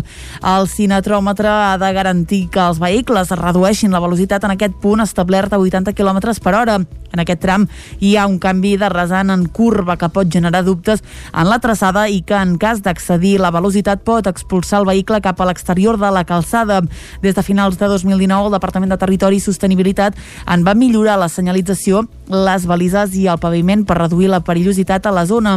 La instal·lació d'una mesura fixa però s'ha reivindicat al llarg dels anys al territori per intentar que redueixi la sinistralitat en un dels punts considerats negres de la via. En els darrers cinc anys, quatre persones han perdut la vida en aquest punt de la carretera. El nou aparell es troba a pocs metres del que ja hi havia en sentit sud, poc abans de l'entrada de Sant Martí de Centelles. Segons el Servei Català de Trànsit, per ara el radar antic continuarà funcionant fins que entri en funcionament el futur radar de tram, un radar que finalment abraçarà més traçat. Inicialment estava previst que controlés la C-17 entre Aigua Freda i Tagamanent en sentit sud, però finalment serà de doble sentit entre el Pinós i Tagamanent. Adif construirà una passera per sobre del Ter entre el passeig Regull de Ripoll i el pont de l'Arquet per creuar les vies del tren. Isaac Muntades, des de la veu de Sant Joan. Després de moltes reclamacions i insistència, l'Ajuntament de Ripoll, Adif i el Ministeri de Transports, Mobilitat i Agenda Urbana han formalitzat un conveni per tal que es construeixi una passera entre el passeig Regull i el pont de l'Arquet que creui per sobre del riu Ter i permeti superar la via del tren a Ripoll. Un fet que, segons el regidor i cap de l'àrea de serveis al territori, sostenibilitat i empresa, Joaquim Colomer, augmentarà la seguretat de de tots els veïns del barri de la carretera Barcelona, ja que s'havia fet palès que era impossible soterrar les vies o fer un pas elevat pel tren. Colomer va recordar que l'Ajuntament de Ripoll havia enviat dos projectes a DIF, els quals havien quedat validats i estan a l'espera de veure quin s'escull. Colomer detallava el projecte i quin cost tindrà. Però perquè ens en fem una idea, això seria doncs, una espècie de pont, podem imaginar-nos doncs, com el pont que hi ha a la zona de la Lira, doncs, que tenés des de la zona on ara hi ha la, la xurreria, pràcticament, fins a la zona de l'Arquet. Sí, sí, evidentment eh, serà doncs, accessible per tothom, com el pont de la Lira, i pot passar una cadira de rodes com un, una persona, un, un, un peató. No, això estàvem parlant d'una obra superior al milió d'euros, i diria més cap a un milió i mig d'euros, i això doncs finançarà tot Adif. Colomer va dir que les reunions amb Adif havien estat molt fructíferes i que el grup municipal del PSC també s'hi va involucrar força, ja que van estar presents a totes les reunions per desencallar aquest assumpte. A canvi de la inversió, l'Ajuntament haurà d'eliminar entre 4 i 5 passos a nivell del municipi. Per exemple, a la zona d'Ordina n'hi ha uns quants i només se'n quedaran amb un parell. Cal dir que aquesta actuació de supressió de passos a nivell s'incorpora dins del milió i mig d'euros d'inversió de DIF. Encara no hi ha termini sobre la taula per començar l'obra. En canvi, sí que hi ha novetats positives pel viaducte del pont de l'estació fins a l'entrada del túnel. El que sí que ja està licitat és la reforma, les reparacions d'aquí de, del viaducte aquest o de, del pont. M'havia queixat jo moltes vegades. Aquest sí que ahir mateix el, el subdelegat del govern, en Bramont, que li, el confinat doncs, que vaig veure amb ell a Sant Joan de les Abadeses, li vaig reclamar i ahir mateix em va dir doncs, que això ja estava licitat i que per tant s'executarà de forma imminent. Estem parlant de mesos. Com que això són partides de recuperació, normalment posen una partida alçada i no, no, no el tanquen, sinó que, que van tirant fins a deixar-ho del tot, del tot bé sanejat i arreglat. Per tant, pot arribar a ser una partida bastant alta, també. Ara només faltaria solucionar el tema de la caseta guarda-agulles de l'entrada del túnel que genera mala imatge pel seu mal estat i problemes d'humitats i d'insectes als veïns. Caldrà veure si es conserva arreglant la teulada o si s'enderroca. L'autorització del govern central perquè els ajuntaments puguin fer ús dels romanents de tresoreria per afrontar la pandèmia permetrà a Vic incorporar al pressupost d'aquest any 4 milions d'euros i mig procedents del superàvit d'exercicis anteriors. Els 11 regidors de l'equip de govern de Junts per Catalunya van presentar dijous a la sala de la columna el programa Reimpulsem Vic que es finançarà amb el romanent de tresoreria que en el cas de Vic puja fins als 4,5 milions d'euros. Totes les regidories han prioritzat actuacions per ajudar a sortir sortir de la crisi, però no és un document tancat. Anna R és l'alcaldessa de Vic. És un document viu, en el sentit de que ara fem unes propostes que ens sembla que són les més escaients, que són les que podem arribar i les que podem ara destinar aquests diners, però que sabem que a mesura que passarà doncs, el temps eh, tenim clar que és un document viu que pot eh, moure's i que pot eh, entrar qualsevol altra iniciativa que creiem que en aquell moment sigui eh, necessari. Reimpulsem Vic inclou una cinquantena de projectes de totes les àrees, des d'ajuts a comerços i empreses fins al desenvolupament de la ciutat intel·ligent, coincidint amb l'arribada del 5G, plaques solars d'autoconsum al recinte Firal del Sucre, asfaltat de carrers, l'obertura de pistes esportives als barris o l'ampliació de partides d'habitatge i educació. Un pla ens sembla doncs, que toca el màxim d'àmbits, que volem que sigui una gran injecció econòmica per la ciutat i el que ens interessa és doncs, estar al costat de la gent la mesura es va aprovar al ple de dilluns amb els vots a favor de l'equip de govern i el vot contrari dels tres partits de l'oposició, Esquerra, Capgirem Vic i el PSC. Els tres grups critiquen el destí de part d'aquests 4,5 milions d'euros del programa la ciutadania de Cardedeu podrà tornar a decidir el futur de 400.000 euros del pressupost d'inversió. La presentació de la segona edició del Jo Vull Vull es va fer el passat dijous de manera presencial i també per streaming a través de Televisió de Cardedeu. David Auladell, de Ràdio Televisió Cardedeu. La Covid-19 ha marcat la segona edició dels Jo Vull Vull que Cardedeu tingui, els pressupostos participatius del municipi. Aquests es van haver d'ajornar i ara s'han posat en marxa de nou.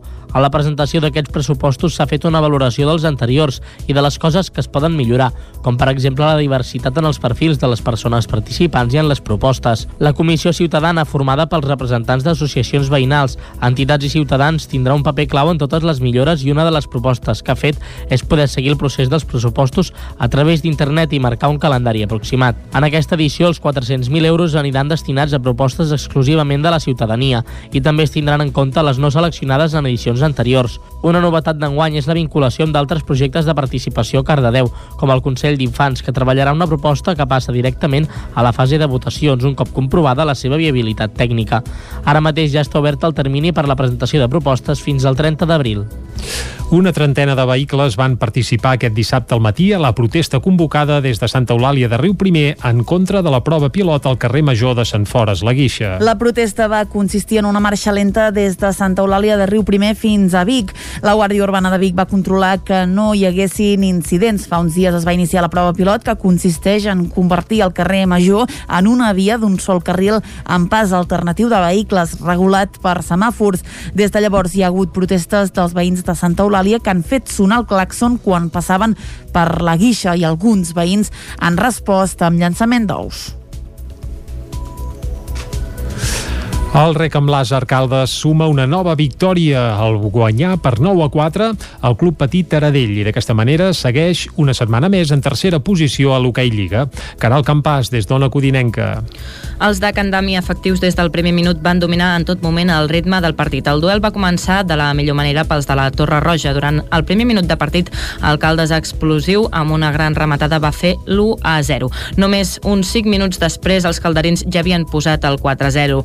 Eduard Candami, tècnic d'alcaldes, valorava així la primera part que vam sortir ja els primers 45 segons ja vam tenir una situació de, de pena a favor bueno, l'actitud va ser molt bona, molt agressiu, bona porteria i bé, ja al minut i mig ja guanyàvem 1 a 0, no? A partir d'aquí, doncs, doncs no hem baixat la intensitat, vam fer el 2, el 3, el 4 i bé, eh, ens vam a la mitja part amb 5 a 1 a la represa, el guió del partit es va repetir amb un caldes efectiu. Més tard, Rodríguez i Crespo van retallar distàncies fins al 8 a 4, però Rosa, la tala amb 3 gols, va fer el definitiu 9 a 4 a falta de 6 segons. És la primera vegada que el Caldes posa 9 gols en un partit de l'Hockey Lliga. Candami valorava molt positivament que l'equip no abaixés el ritme a la segona part i sobretot el que jo valoro més doncs, que, que bé, la segona part doncs, l'actitud va ser la mateixa no? Va, vam tenir aquesta, així com altres vegades o altres temporades doncs, doncs no és que baixéssim el nivell sinó que al final ens complicàvem el partit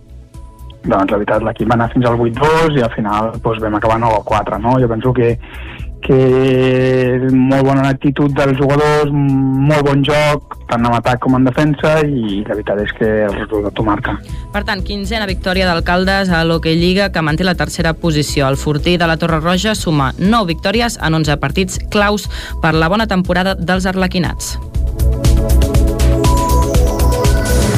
I ara hem descobert com li va anar al Rec amb Làser aquest cap de setmana. Després, el repàs esportiu que fem tots els dilluns, coneixerem també la resta d'equips de l'hoquei Lliga, com els ha anat bé. El Taradell, evidentment, ha perdut perquè va perdre contra Alcaldes, però sabrem també els resultats del Voltregà i del Vic, entre molts d'altres.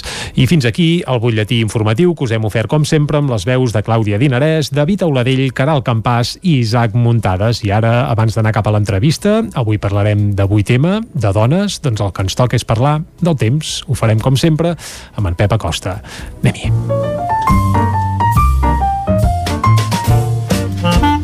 Casa Terradellos us ofereix el temps. Un Pep Acosta que ja tenim aquí i que saludem de nou altra vegada. Bon dia, Pep. Hola, molt bon dia a tothom. Bon dia, bon dia. Està glaçant a les zones més altes del Pirineu de manera moderada, uh -huh. 4, 5, 6 graus sota zero. També ha glaçat el cim de Puig de Zolles, el cim del Montseny. Uh, per tant, tenim un ambient bastant, bastant fred ara mateix. A les poblacions, la majoria de les temperatures estan entre els 5 i els 10 graus. De cara a la tarda, creixeran nuvolades, mm, semblants a les de divendres i dissabte tarda. On més probabilitat de pluja hi ha és a les zones de muntanya novament. Cap al nord d'Osona, Montseny, Guilleries, el Transversal... Jo crec que entre 5, 10, 15 litres a sota estirar. Alguna probabilitat de petita tempesta la tenim. I unes temperatures avui que baixaran. Les màximes a tots els pobles i ciutats es bellugaran entre els 8 i els 12 13 graus uh, són unes temperatures força baixes força baixes per, a, per l'època de l'any tot i que no fa molt de fred ni molt menys però sí que és un ambient bastant fred uh, a mi m'agrada que facin les temperatures que toca, que haurien de ser i aquesta setmana sembla que tota la setmana tocarà això, temperatures pròpies de, de l'època de l'any i abans d'acabar, uh, un petit resum. Avui, dia això, encapotat, tapat, molt poc, molt poc sol, uh, algun ruixat ja al matí, poca cosa, però crec que de cara a la tarda és quan pot ploure més amb el creixent de numulades, sobretot a les zones de muntanya. Tornem a repetir les tempestes de divendres i de dissabte tarda. I unes temperatures força baixes, força baixes, eh, normals per l'època de l'any. Moltes gràcies i fins demà, que veurem si, si arriba l'estabilitat i arriba el sol, tot i que aquesta setmana en veurem, en veurem poc de sol, eh? serà, serà complicat. Bé, moltes gràcies, adeu. Vinga, Pep, moltes gràcies a tu per acostar-nos, com sempre, com sempre, la darrera informació sobre el temps. Ara nosaltres farem una breu pausa i tornem de seguida parlant dels actes del 8M a Osona i a Lluçanès. El repassarem de seguida. Casa Tarradellas us ha ofert aquest espai. Territori 17. Envia'ns les teves notes de veu per WhatsApp al 646 079 023. 646 079 023. WhatsApp Territori 17.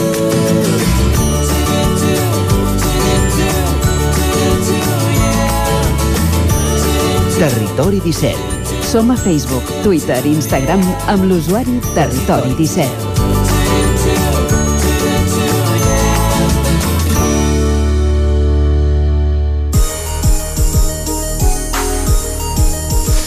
Un minut i serà un quart d'onze del matí. Seguim en directe aquí a Territori 17. La pandèmia que ha afectat de ple el mercat laboral durant aquest darrer any ha ajudat a veure encara més les diferències que hi ha entre homes i dones. Tot i les dades positives en ocupació d'anys anteriors, les dones sempre han estat en pitjor situació que els homes. Una tendència que s'ha agreujat durant aquest darrer any a causa, sobretot, de la pandèmia. I aquest és un dels principals eh, focus on s'emmarquen els actes reivindicatius d'aquest 8 de març i de tot plegat en volem parlar amb Xènia Canal, que és membre del comitè de vaga del 8M a Osona i el Lluçanès. Xènia, molt bon dia. Hola, molt bon dia. Uh, primer de tot, parlant una mica dels actes, em sembla que de seguida, uh, a les 11 del matí, sereu precisament aquí a la plaça de la Catedral de Vic, eh? ben a prop d'on tenim els estudis del nou FM. Uh, què fareu aquí a la plaça de la Catedral? Doncs mira, ara comencem. De fet, ara ja estem en acció. I hem quedat per fer un esmorzar popular al Parc Balmes i a les 11 comencem una performance itinerant que això s'inicia a la plaça de la Catedral i acabarà a la plaça de la Noguera. I, i bueno, és un encercavila en el que hi ha accions artístiques davant de diferents institucions per denúncies concretes mm, respecte a com se, es gestiona o, bueno, sí, de com s'estan gestionant uh, algunes de les mm, situacions que patim les dones. Uh -huh. Com bé deies, temps de pandèmia, sobretot. Uh, com ens deies, la performance acabarà a la plaça de la Noguera cap a la una del migdia amb una iniciativa que heu batejat com a Replantem a la ciutat. Què és el que cal replantar? Doncs mira, ahir vam fer la primera acció que avui eh, ens hem despertat sense... Bueno, ahir vam fer un hort eh, que anomenat l'Hort de la Noguera. Era un espai um, comunitari que esperàvem que fos pues, el, un espai perquè la gent es trobés, pogués generar la xarxa i, i també eh, al final pues, que tingués els mitjans de producció, eh, tornés a, a connectar amb la terra, bueno, com que sentís més empoderada del que ens sentim ara, que eh, en temps de pandèmia ens hem sentit molt aïllades, i aquest hort, pues, eh, avui ens hem despertat sense ell, després de la denúncia i l'acció ràpida de l'Ajuntament, Uh -huh.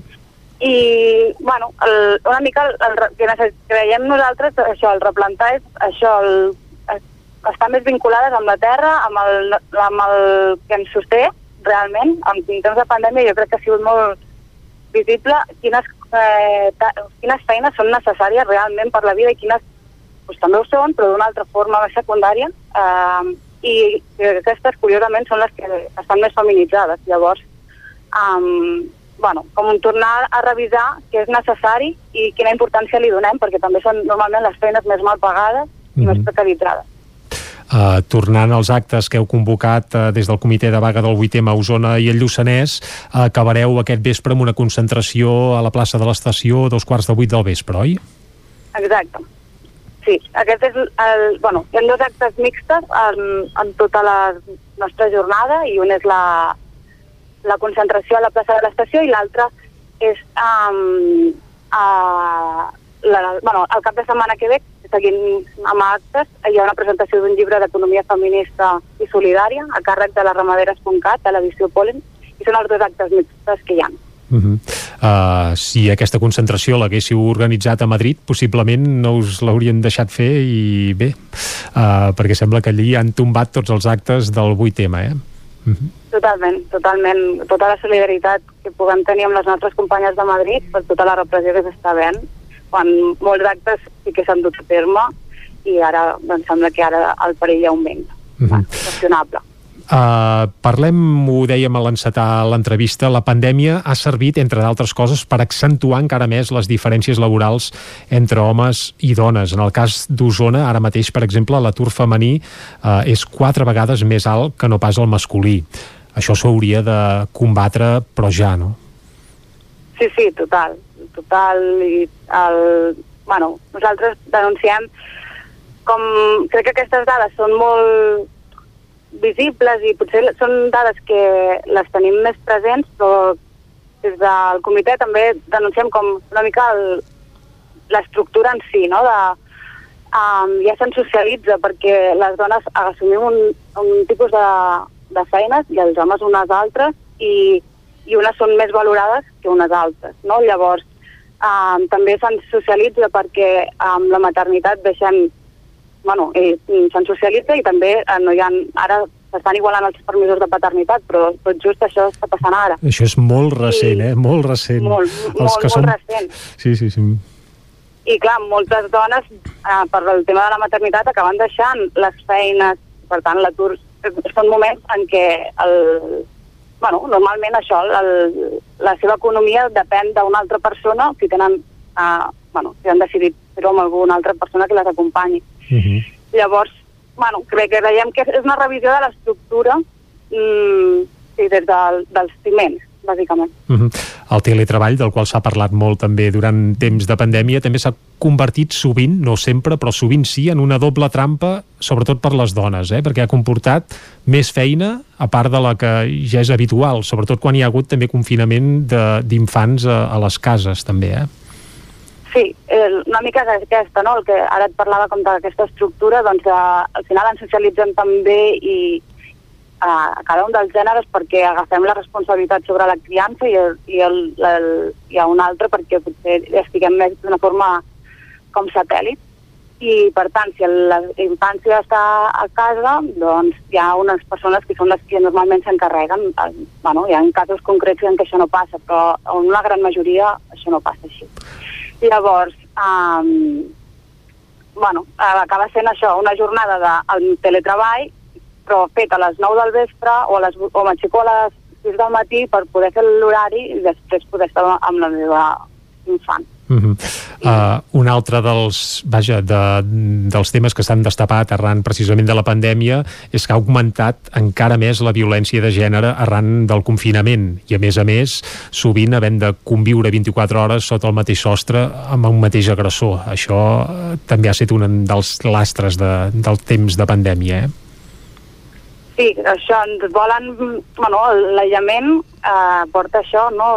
A, que el, hagi sigut la solitud màxima amb l'agressor, ja sigui de violències masclistes, per violències LGTBI-fòbiques, i, bueno, com sense masses opcions, perquè també és un moment en què a nivell econòmic tampoc hi havia feines com per poder mm, plantejar-te canvis, llavors, bueno, per això també una de les coses que denunciem eh, ai, que ens sentim, promovem des del comitè és que les xarxes sòlides, efectives, al final són un, bueno, un salvavides. Uh -huh. uh, és evident que queda molt per fer, però quins serien els principals reptes del moviment feminista a curt termini? Què seria el primer que s'hauria de resoldre? Uf. Que complicat, una, eh? Sí, és una pregunta com molt... Sí, sí. Uh, doncs sí, com... Mm, sí, puc dir eh, coses que jo tinc en ment, però mm -hmm. no m'atreviria a dir-ho com a nivell de comitè, i llavors, bueno, et responc com a Xènia. Va, Però la Xènia mi- Canal, a nivell particular, què seria el primer que hauríem de, de fer front? I ja hi afegeixo jo que sovint part de la culpa, i molta part de la culpa, és de, bé, del gènere masculí, perquè ens hem d'enganyar, no? Per tant, potser el primer que hauríem de fer és feminitzar-nos tots plegats, que això més que dependre de les dones dependria dels homes, però partint d'aquí, que seria un pas important a fer, a tenir clar que tots som dones també, eh, quins serien els principals reptes que hauríem de resoldre, però a curt termini ja, perquè és evident que tot plegat ha evolucionat, abans ens citaves també els permisos de paternitat i maternitat, que uns anys enrere, bé, els pares tenien quatre dies de festa i a treballar, i ara això sí que mica en mica sembla que, que en aquest sentit sí que s'ha avançat, però quins serien els reptes principals que hauríem d'afrontar i què es podria fer ja a curt termini per començar-ho a resoldre? Doncs, mira, una de les coses que mi se m'ocut, o sigui, també hi ha un... Bueno, ara, és que un altre dels eixos, és que ara estava pensant, hem treballat quatre eixos, i llavors un dels que m'estava deixant una mica quan m'has fet les preguntes és el tema de la salut, i el, bueno, les taxes de medicalització eh, són molt més altes en les dones. Eh, bueno, moltes de les eh, malalties mentals estan associades a les dones i, i el, el que es fa per tot això és medicalitzar-nos amb antidepressives i ansiolítics per eh, no estar fent-se càrrec del problema eh, d'estructura que hi ha, no? I um, bueno, doncs una cosa que es pot fer és mm, quan, simplement quan estàs anant al metge que es- s'estigui com mm, fent una revisió íntegra de la salut i no només des de a posar parxes, al final és el que s'acaba assolint. Mm -hmm. Um, una altra cosa que es podria fer és que pots demanar, això sembla la carta Sí, als Reis. Eh? la carta als Reis. No, no, no acabaríem Sí. pas mai, eh? O sigui, després està com tot el tema de les cuidadores, um, que ara mateix no tenen... Uh, bueno, hi ha moltes que viuen internes 24 hores, no tenen moltes d'elles contractes laborals i estan molt uh, en una situació de vulnerabilitat màxima perquè a més normalment són dones especialitzades o migrades les que assumeixen aquestes condicions. I això és una cosa que es pot fer eh, o, el, o en el tema de la prostitució el mateix, no? de, els drets, garantir els drets. I des d'aquí ja parlem-ne. Mhm. però com a mínim això últimament eh, és evident que en alguns aspectes, com dèiem abans, sí que s'ha avançat en la igualtat home i dona, però bé, també plana sobre tot plegat doncs, l'amenaça de, bé, de la ultradreta, perquè ens hem d'enganyar, que en alguns sentits doncs, no només es congelarien alguns d'aquests drets, sinó que serien partidaris d'anar enrere i tot, no? Això suposo que seria un dels altres reptes, aturar eh, que en cap cas, vaja, es pugui anar enrere amb el poc que ja s'ha assolit fins ara, no? Total, sí, sí. El, bueno, que el tema del feixisme està sent un tema ara mateix i, i nosaltres, òbviament, o sigui, ens va la vida, ens va la vida en què el, uh, el feixisme no estigui aquí. Així -huh. que sí, estem conversant amb Xènia Canal del comitè de vaga del 8M d'Osona i, el, eh, i el Lluçanès i Xènia, abans d'acabar eh, m'agradaria que això, recordar de nou eh, els actes que, que dureu a terme durant el dia d'avui recordem que ara d'aquí molt poc sereu aquí a la plaça de la Catedral amb una performance itinerant que acabarà a la plaça de la Noguera al migdia feu un dinar popular de Carmanyola també, eh? Sí, exacte, a la plaça de la Noguera per ocupar uh -huh. aquest espai tan reivindicatiu actualment d'especulació immobiliària i després farem un taller de pancartes, també convidem a que totes les que vulguem portem instruments i també fer un moment de caliu que també en temps de lluita també és necessari l'alegria sempre, sempre està bé, i tant que sí. I acabareu avui mateix a dos de vuit del vespre amb la concentració que citàvem abans, que sortirà des de la plaça de l'estació de Vic, oi que sí? Exacte. Correcte. Xènia Canal, doncs moltes gràcies per acompanyar-nos avui a Territori 17 i tant de bo eh, el 8M d'aquí uns anys no l'hagin de celebrar reivindicativament parlant, sinó que voldria dir que tot plegat, homes i dones, som tots iguals, però de moment és evident que hi ha encara molta i molta feina per fer. Moltes gràcies per la vostra tasca i molta sort bon dia de lluita. Molt bon dia. Bé, gràcies. Gràcies a vosaltres. Adéu. Nosaltres seguim ara aquí en directe a Territori 17, fem una breu pausa i tornarem a dos quarts en punt, seguint, acostant-vos l'actualitat de casa nostra. El nou FM, la ràdio de casa, al 92.8. Cocodril Club. Si t'agrada la bona música dels anys 60, 70 i 80, escolta el 9 FM als matins de dissabtes i diumenges d'11 a 1. És el temps del Cocodril Club, tot un clàssic de la ràdio, amb les bases del pop-rock, les llegendes, les cançons que s'han convertit en autèntics himnes. Recorda, dissabtes i diumenges al matí, d'11 a 1, al 9 FM 92.8. Cocodril Club, el programa revival de l'Albert Malla. Hasta luego, cocodrilo. A Vic, T52, un taller d'emocions. Una celebració, un reconeixement, un record, la victòria, el premi. Tenim una solució personalitzada per a cada ocasió. Ens trobaràs al centre, al carrer 941 i també a l'Horta Vermella, al carrer Menéndez Pelayo 31. Més informació a t52.cat. La ràdio de casa al 92.8. El 9 FM. Cobertes serveis funeraris. Els nostres tanatoris estan ubicats en els nuclis urbans més poblats de la comarca d'Osona per oferir un millor servei. Tanatori de Vic, Tanatori de Manlleu, Tanatori de Centelles i Tanatori de Roda de Ter. Sabem que són moments difícils i per això el nostre compromís és atendre-us en tot moment amb un tracte humà, sensible i respectuós. Cobertes serveis funeraris. Telèfon 24 hores 93 883 23 46. Estudi fotogràfic. Nosaltres et lloguem el plató amb tot tipus de decorats i tu fas les fotos per només 18 euros l'hora. Per comunions, aniversaris, bucs, embarassades, nounats, suport rotatiu per fer vídeos de TikTok i molt més. Per Sant Valentí regala un val per només 18 euros i tindràs un bon record fotogràfic. Ens trobaràs al carrer de Sant Tomàs 4 de Call d'Atenes al telèfon 640 56 0310 i també a Instagram i a Facebook.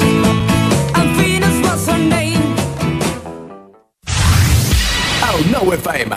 Anuncia't al 9FM. La ràdio de casa. 9 3 8 8 9 4 9 4 9. Publicitat arroba al 9FM.cat. Anuncia't al 9FM. La publicitat més eficaç.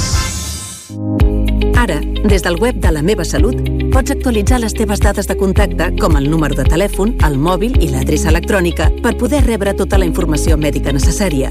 Per exemple, sobre la convocatòria de la vacuna contra la Covid-19. Si encara no t'has donat d'alta, fes-ho ara a lamevasalut.gencat.cat. Salut. Cuidem el que som. Generalitat de Catalunya. 7 milions i mig de futurs. El nou FM, el nou FM, el nou FM, el nou FM. Territori 17. Dos quarts d'onze del matí en punt, seguim en directe aquí a Territori 17 i el que toca ara és repassar piulades i això ho fem sempre acompanyats amb l'Isaac Moreno. Isaac, molt bon dia. Bon dia. Avui de què van les piulades? De 8M De- de o de Jan Laporta? Una o mica- de les dues coses? De les dues coses i, i d'altres, perquè el cap de setmana ha sigut llarg. Per exemple, Jordi Vilarrodà piulava divendres. Anant cap a casa, he avançat una autocaravana. Estic ben segur que era d'una família de Ripoll que anava a passar el cap de setmana a Camprodon, perquè que fos algú de fora que se salta el confinament comarcal no pot passar, oi? Home, clar que no. Tenia múltiples respostes, com per exemple la de la Núria Cellarès a Torelló. Diu, avui a la zona d'autocaravanes de Torelló, tres autocaravanes matrícules d'Itàlia, Portugal i Madrid. Però, bueno, que la matrícula sigui d'Itàlia no vol dir que no pugui ser de, de Lluçà. Clar, és que clar. tu la pots comprar i la tens per anar... Bé, la pots comprar a la Lluna. Bé, tant és, sí. Ai, què hi farem? Uh, Jordi Devesa de Torelló piolava. Hi ha alguna cosa més complicada que escollir escola per començar a P3? Home, depèn del municipi on l'hagis d'escollir. Per exemple, el meu, com que només n'hi ha una, no és tan complicat, però bé. I li responia Lluís Sabater, exregidor d'Educació de Torelló i, i, i d'Esquerra. Diu, personalment aposto per l'escola pública, però a Torelló tenim la sort de tenir cinc escoles amb un gran nivell i que cobreixes totes les sensibilitats possibles. No pateixis tant, em sembla que és important conèixer-les totes i endavant que no t'equivocaràs. D'això se'n diu una resposta diplomàtica. Sí, és cert. Uh, Xavier, Tor. Xavier Tornafoc estava indignat amb la no presència del govern a la, la visita del Borbó a la SEAT. Diu, a Catalunya anem tan sobrats que presenten un projecte industrial i la Generalitat no hi va. És al·lucinant. I l'endemà tornava a piular. Reblaré el clau. No hi va anar ningú del govern català perquè la política independentista està en mans del relat de la CUP. Jo crec que el gran triomfador del procés és la CUP. Això és el que hi ha. Doncs, segons Torna Foc, això és el que hi ha. Exacte. Uh, un altre dels capítols que genera polèmica el cap de setmana, per exemple, és el uh, trencament de confinament comarcal per anar a votar a Can Barça. Xavi Bardolet, si a les eleccions del Barça de demà en, conf uh, en confirmes que hi ha hagut socis que s'han saltat el confinament comarcal uh, per anar a votar, es podran impugnar? Apa, aquí. Home, uh, uns quants ho van reconèixer públicament davant de càmeres que l'havien trencat Correcte. aquest confinament comarcal i ho van poder seguir tots els que vam... Bé, això està el cas de la nit electoral, per tant és evident que no només amb autocaravana hi ha gent que se salta els confinaments, sinó que també ho fan per anar a votar. I ara que Antoni Freixó impugnarà això? Que seria, fi, va. Bé, uh, Creus si el, el que ha rebut més vots de fora de, la, de Barcelona? Home, en principi cal dir que els tres candidats, un cop va acabar tot plegat, semblava que hi havia molt fair play i dubto que ningú impugni res, però vaja. Xavier Febrer, divendres m'arriba una companya de feina que els alumnes dels quals és tutora volen celebrar el dia del confinament, coincidint amb el primer aniversari que van tancar les escoles. Quines lliçons ens donen aquestes petites grans persones? Doncs a celebrar, segon de primària que fan, tu. Veus que bé? I tant, fantàstic. Parlant d'anar a votar a Can Barça i saltar-se el confinament, Pep Acosta piolava dissabte. El llampec gris ha fallat de cara de mà i no puc anar a votar. Socis del Barça, voteu bé. El llampec gris, Sí. ara pla, deu ser el seu cotxe. Segurament. Està bé, li haurem de preguntar demà. Aviam. No, hi havia un fil d'algú que el convidava a pujar al seu cotxe, eh, també. Ah, Vull cosa Hi ha avançada. gent generosa. Exacte. Sí, sí. Més piolades. Noemí Jordana, exjugadora de bàsquet i directiva de l'Uni Girona, campiones de la Copa de la Reina. Per Ai, collons, que hem guanyat la Copa de la Reina. Ja la tenim. Som Uni, reivindicant-se entre tants tuits sobre el Barça. Guillem Freixa, quan durant la campanya a Joan Laporta li van preguntar si les segones parts poden ser bones, recordava la de la Champions a París del 2006 amb remuntada a l'Arsenal d'actitud no n'hi faltarà, repte majúscul aixecar el Barça. Uh, Iñaki Escudero, la porta és el president ideal pel Barça per la seva imatge més fidel. Xuleria, supèrbia. Josep Maria Diegues, avui ha votat la porta i tot indica que ha guanyat. Puc dir-ho sense por a fer-li propaganda neg- negativa. No m'agrada el... L'ho tornarem a fer de la cançó de la campanya. A mi tampoc. Vol ser una picada d'ullet indepe, però crec que frivolitza amb el patiment de gent represaliada per l'Estat. Joan Serra, els socis del Barça han convertit el nunyisme en residual. A Eric Herrera, en Canut fa mal a cara. Josep Lluís Garcia, no he votat la porta, uh, possiblement no sigui soci del club. Uh, Elisabet Vallbona, immensament feliç, sort i encerts, president Laporta.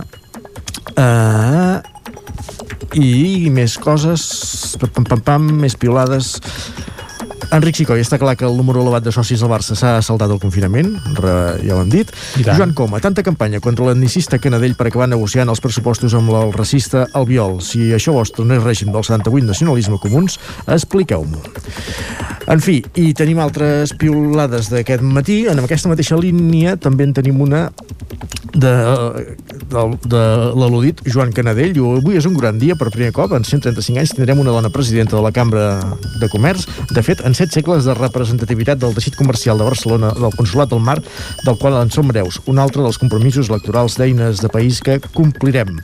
Aquesta nova presidenta que li pren el relleu a Canadell és Mònica Roca i l'usuari Correu de Tortet repiula i comenta Hola GES, hola en Comú Podem, n'hi ha que en quatre dies ja han fet més que vosaltres en tota la vostra història. Per cert, fets, no paraules.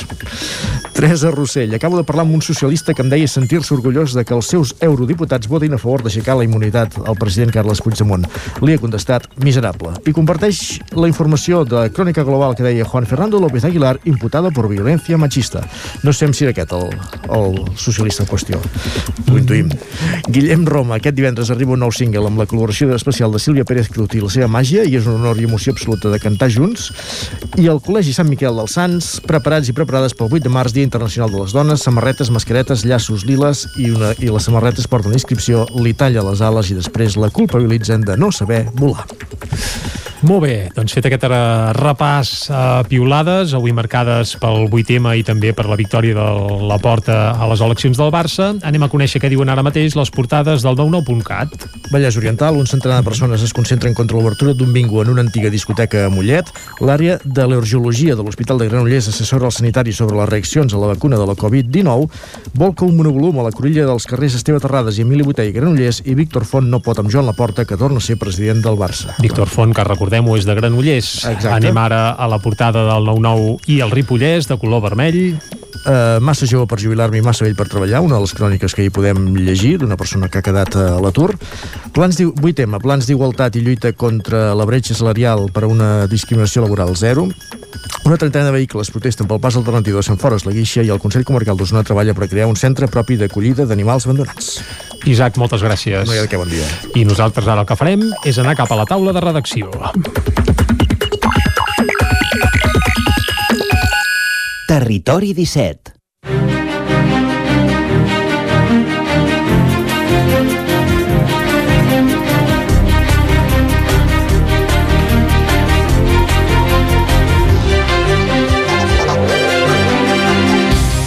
Una taula de redacció que avui comptarà amb Eloi Puigferrer i Arnau Jaumira.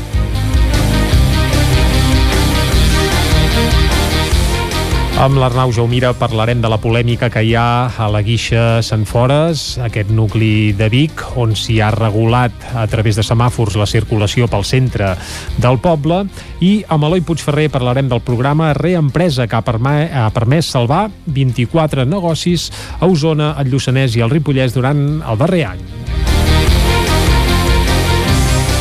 I comencem precisament parlant amb l'Eloi Puigferrer sobre el programa Reempresa, que, com bé dèiem, ha salvat 24 empreses durant el 2020. Oi que sí? Eh, És així, Eloi?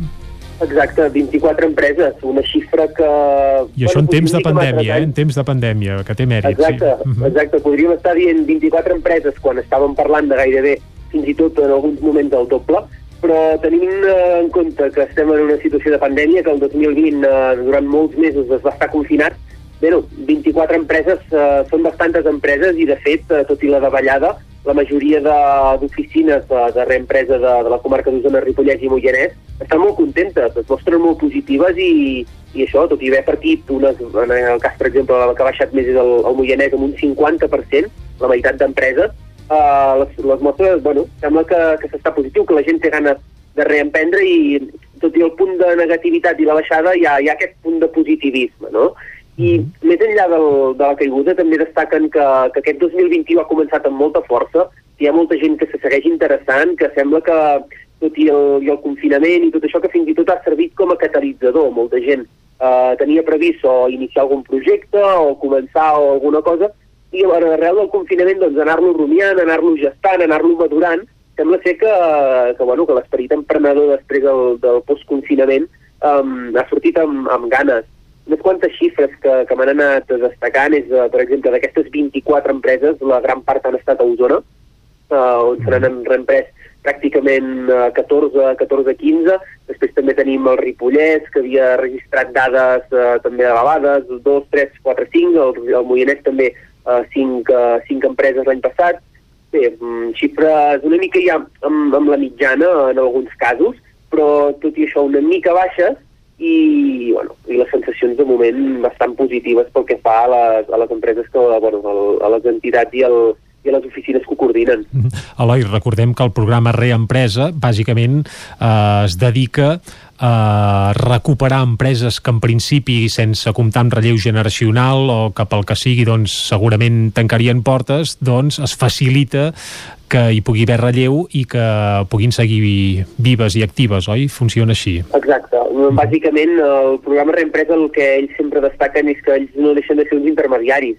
Uh, posen, creen una borsa, creen un, uh, una pàgina on hi posen totes les empreses que bé, o per jubilació, o bé per canvi de professió, o pel que sigui, doncs uh, deixen de, ja no, no tindran continuïtat i es tancaran. Uh, llavors recullen totes aquestes empreses, les posen en una, en una borsa per la gent, algun emprenedor que, que vulgui començar, que vulgui iniciar un projecte, doncs que tingui la possibilitat d'arrencar ja amb un, amb un projecte consolidat, amb alguna cosa feta que no té per què voler dir que, doncs, que no, no, no és rendible o alguna cosa, sinó simplement per, per qüestions uh, potser fins i tot uh, extralaborals.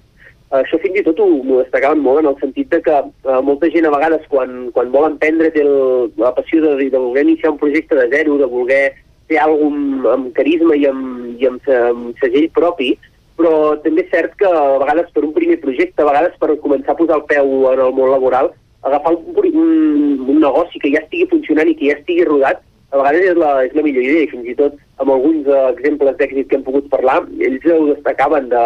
L'important és que tu has d'acabar fent tot teu, perquè si, si no t'ho fas teu uh, és pràcticament impossible, però tampoc és, és impensable que puguis agafar un, un negoci que ja tingui tirada, que ja tingui 20 o 30 anys i, i poder-lo actualitzar i poder-li pujar un, un segell propi i portar-lo i seguir-lo i seguir-lo mantenint viu. Uh, Eloi, moltes gràcies per acompanyar-nos avui aquí a la taula de redacció. T'esperem d'aquí una estona als Solidaris i gràcies. anem de fins aviat, Eloi.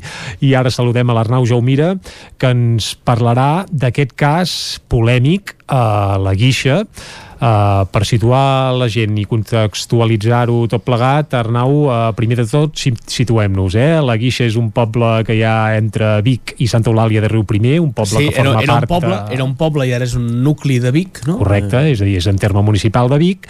Uh, té un pas pel mig del poble doncs, molt estret, perquè ens han d'enganyar sí, i en algun voreres, punt... Sobretot en voreres molt estretes, o sigui, la, la, la calçada mm -hmm. ja és estreta, però les voreres encara més. Algunes no fan ni un pam gaire, no, eh? un cotxet no hi passa hi ha, hi ha, hi ha llocs en de cap és, manera. És impossible. I l'Ajuntament de Vic... I a més és la via, deixem que és la via, uh -huh. és la via principal de pas per la gent de Santa Eulàlia de Riu Primer i de Muntanyola. Per accedir cap a Vic, cap... és evident. Sí, o sí, per anar sí. cap a casa, sí. Uh -huh. I l'Ajuntament de Vic el que ha fet per intentar solucionar eh, el garbuig de trànsit que hi ha en aquesta via és fer uns semàfors i fer pas alternatiu al carrer Major de la Guixa. Per tant, la gent que ve de Santa Eulàlia, quan arriba a la Guixa, si té la mala sort de trobar-se al semàfor vermell, eh, doncs espera un minut eh, o els que siguin i diguem que regula el pas eh, en una sola direcció i en un sol sentit alternativament. Eh? I això als veïns de Santa Eulàlia i Muntanyola no els ha agradat. No, I aquí hi ha l'origen de la polèmica, oi? Sí, sí, aquest, aquest és l'origen de la polèmica perquè doncs, aquest eh, semàfor de fet és una, una cosa que ja ve de, de lluny eh? és a dir, això es va, es va doncs, posar en marxa el dimecres de, de fa doncs, dues setmanes, dir, dimecres passat no l'altre però eh, la veritat és que és una cosa que es venia ja anunciant des de feia mesos eh? Eh, que Diputació i Ajuntament de Vic estaven treballant en aquesta prova pilot eh, la, la solució que, que les dues parts voldrien és la de fer una variant això és evident, que és que passés per fora de, de Sant Fores de la Guixa, però eh, això la Diputació a curt termini no, no ho veu viable, no s'ho plantegen i per tant busquen altres solucions abans que fer doncs, aquest, uh, aquesta variant no? Deixem dir que no surt ni el POUM de no, Vic, no, relativament ara... nou i no apareix en lloc eh, aquesta variant. No, no, ara mateix no, no apareix. Sí que, sí que el que sí que apareix són eh, eh, o almenys era la, una intenció que també hi havia que era que eh, es dividís el sentit de, del trànsit que el carrer Major fos d'un sol sentit cap amunt o cap avall i que per un altre del carrer dels poble, un altre carrer del poble doncs hi és altre sentit de circulació no? eh, això però aquest nou carrer on s'hauria de passar aquest trànsit són els veïns que es van queixar i que van dir que, que ells havien comprat aquestes cases eh, sense que allà hi hagués una carretera, que no volien que hi hagués una carretera davant seu, i bé, de moment la cosa es va, es va aturar, la cosa està en aquest semàfor, que són doncs això, aquests semàfors que eh, és un tram de, de, de res, eh? tampoc és un tram, un tram molt llarg, un tram de 80 metres, però que està regulat per, per semàfors i que llavors els dos, els dos carrils es converteixen en, en un, no? i per allà al mig doncs, sí que pots passar amb un, amb un sol sentit. Eh, la, la, la prova va començar amb molt mal peu, perquè doncs, van haver-hi moltes eh, protestes dels veïns de la, de la Guixa i de, eh, perdó, de Santa Eulàlia i de Muntanyola que quan passaven per allà feien sonar el claxon Uh, Això als veïns de la Guixa no els hi va agradar. No, a totes hores del dia, a més, eh? I a més... I de la nit. Sí, i de la nit, que és el, és el més problemàtic, evidentment. I, eh, clar, ells, els veïns de la Guixa, els deien que, que, que molt bé que es queixessin, però que es deixin a queixar a l'Ajuntament de Vic, que ells no en tenien cap culpa que els, els veïns d'allà al cap i a la fi, no? com dirien en castellà són uns mandaos, no? Vull dir, si els han dit doncs, que davant de casa seu ara passa a ser d'un sol carril eh, doncs eh, tu, ells no poden fer res que, Ah, es, no, vagin, no, que es vagin a queixar a, a on toca en aquest cas que qui mana és l'Ajuntament de Vic o la Diputació en aquest, en aquest eh, carrer i eh, van respondre en alguns casos amb llançament d'ous eh? van, alguns dels, hi ha un moment en què doncs, després del, del cansament de, de, de, de, de pitades i de cops de botzina doncs van, a, eh, van acabar tirant ous als cotxes que, que pitaven això, aquesta tensió inicial s'ha anat rebaixant però els veïns de, de Santa Eulàlia i de, i de Muntanyola no estan disposats a que això eh, doncs, eh, passi així com així. No volen esperar aquesta prova pilot. l'Ajuntament de Vic el que els hi diu i, i els veïns també de, de, de la Guixa és que això és una prova pilot que per tant s'ha de veure el resultat, que deixin passar un, un temps però no sembla que hi hagi aquesta predisposició perquè dissabte al matí van fer una concentració que va sortir des de Santa Eulàlia van fer una marxa lenta eh, s'hi van agrupar entre 20 i 30 jo crec que sí, ser uns 25 que es van agrupar primer abans de sortir a Santa Eulàlia i que després doncs, van començar la seva protesta baixant cap a, cap a la Guixa, passant per aquest carrer, a més amb el... Eh, bueno, no els hi va sortir massa bé perquè ells es queixaven de que es perdia molt temps i quan va arribar es van trobar el semàfor en verd i van passar directes i no, i no es van acabar ni parant gairebé. Eh, a més a més, també la, la Guàrdia Urbana de Vic, que estava evidentment alertada del, de la protesta i, era, i feia presència des de feia estona, Eh, la Guàrdia Urbana ja feia dies, de fet, que, que, ha anat en, que està vigilant aquest carrer perquè també multen l'ús indiscriminat d'aquesta botzina, perquè és, és una cosa que el reglament de circulació ho preveu, que la, la botzina només la pots servir per causes justificades i no per, per molestar o no per pitar, eh, per estar disconforme en coses, i hi havien, hi havien estat, no sé si multant, però sí que advertint, i per tant ja feien presència i això va impedir que, doncs, que la marxa aquesta lenta fos gaire més espectacular. Eh? Va ser, realment vam passar per allà, vam pitar un parell de vegades, però sense gaire més. Després vam venir cap aquí a Vic, vam fer una volta doncs, per, per fora muralla, també van entrar pel carrer Paracoll, van intentar fer-se sentir una mica per aquí al mig de, de Vic, però eh, després de seguir, al cap d'una mitjoreta tornaven a fer el camí invers ja de pujada cap a, cap a Santa Eulàlia. En aquest segon cas sí que no hi havia la policia i van pitar més, aquí que ens van fer sentir una mica més, va haver alguna mica més de tensió perquè hi havia alguns veïns del carrer que sí que estaven a baix i que els gravaven amb mòbils dient piteu, piteu que us denunciarem venien a, a dir. Però bé, la cosa va acabar, va acabar així amb aquesta pitada, ells eh, reclamen doncs, que hi hagin altres solucions que hi ha altres vies, l'Ajuntament de Vic els diu que esperin que és una prova pilot i els veïns de, de la Guixa eh, els hi demanen comprensió amb els veïns que ells no són els culpables d'aquesta situació. Per tant, és una situació a tres bandes complicada de resoldre.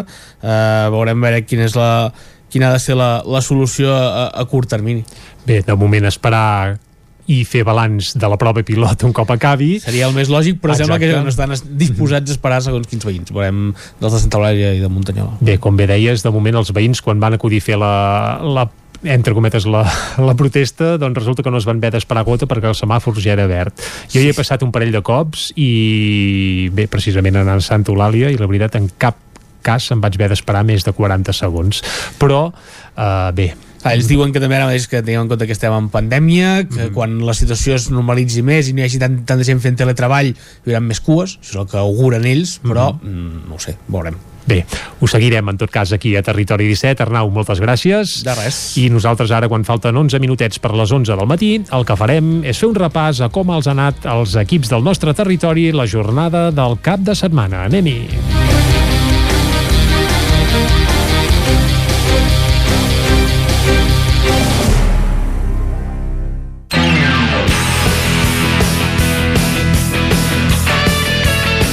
Doncs vinga, començarem aquest repàs que dèiem al cap de setmana esportiu, anant cap a Ràdio Cardedeu, on saludem l'Òscar Muñoz. Òscar, molt bon dia.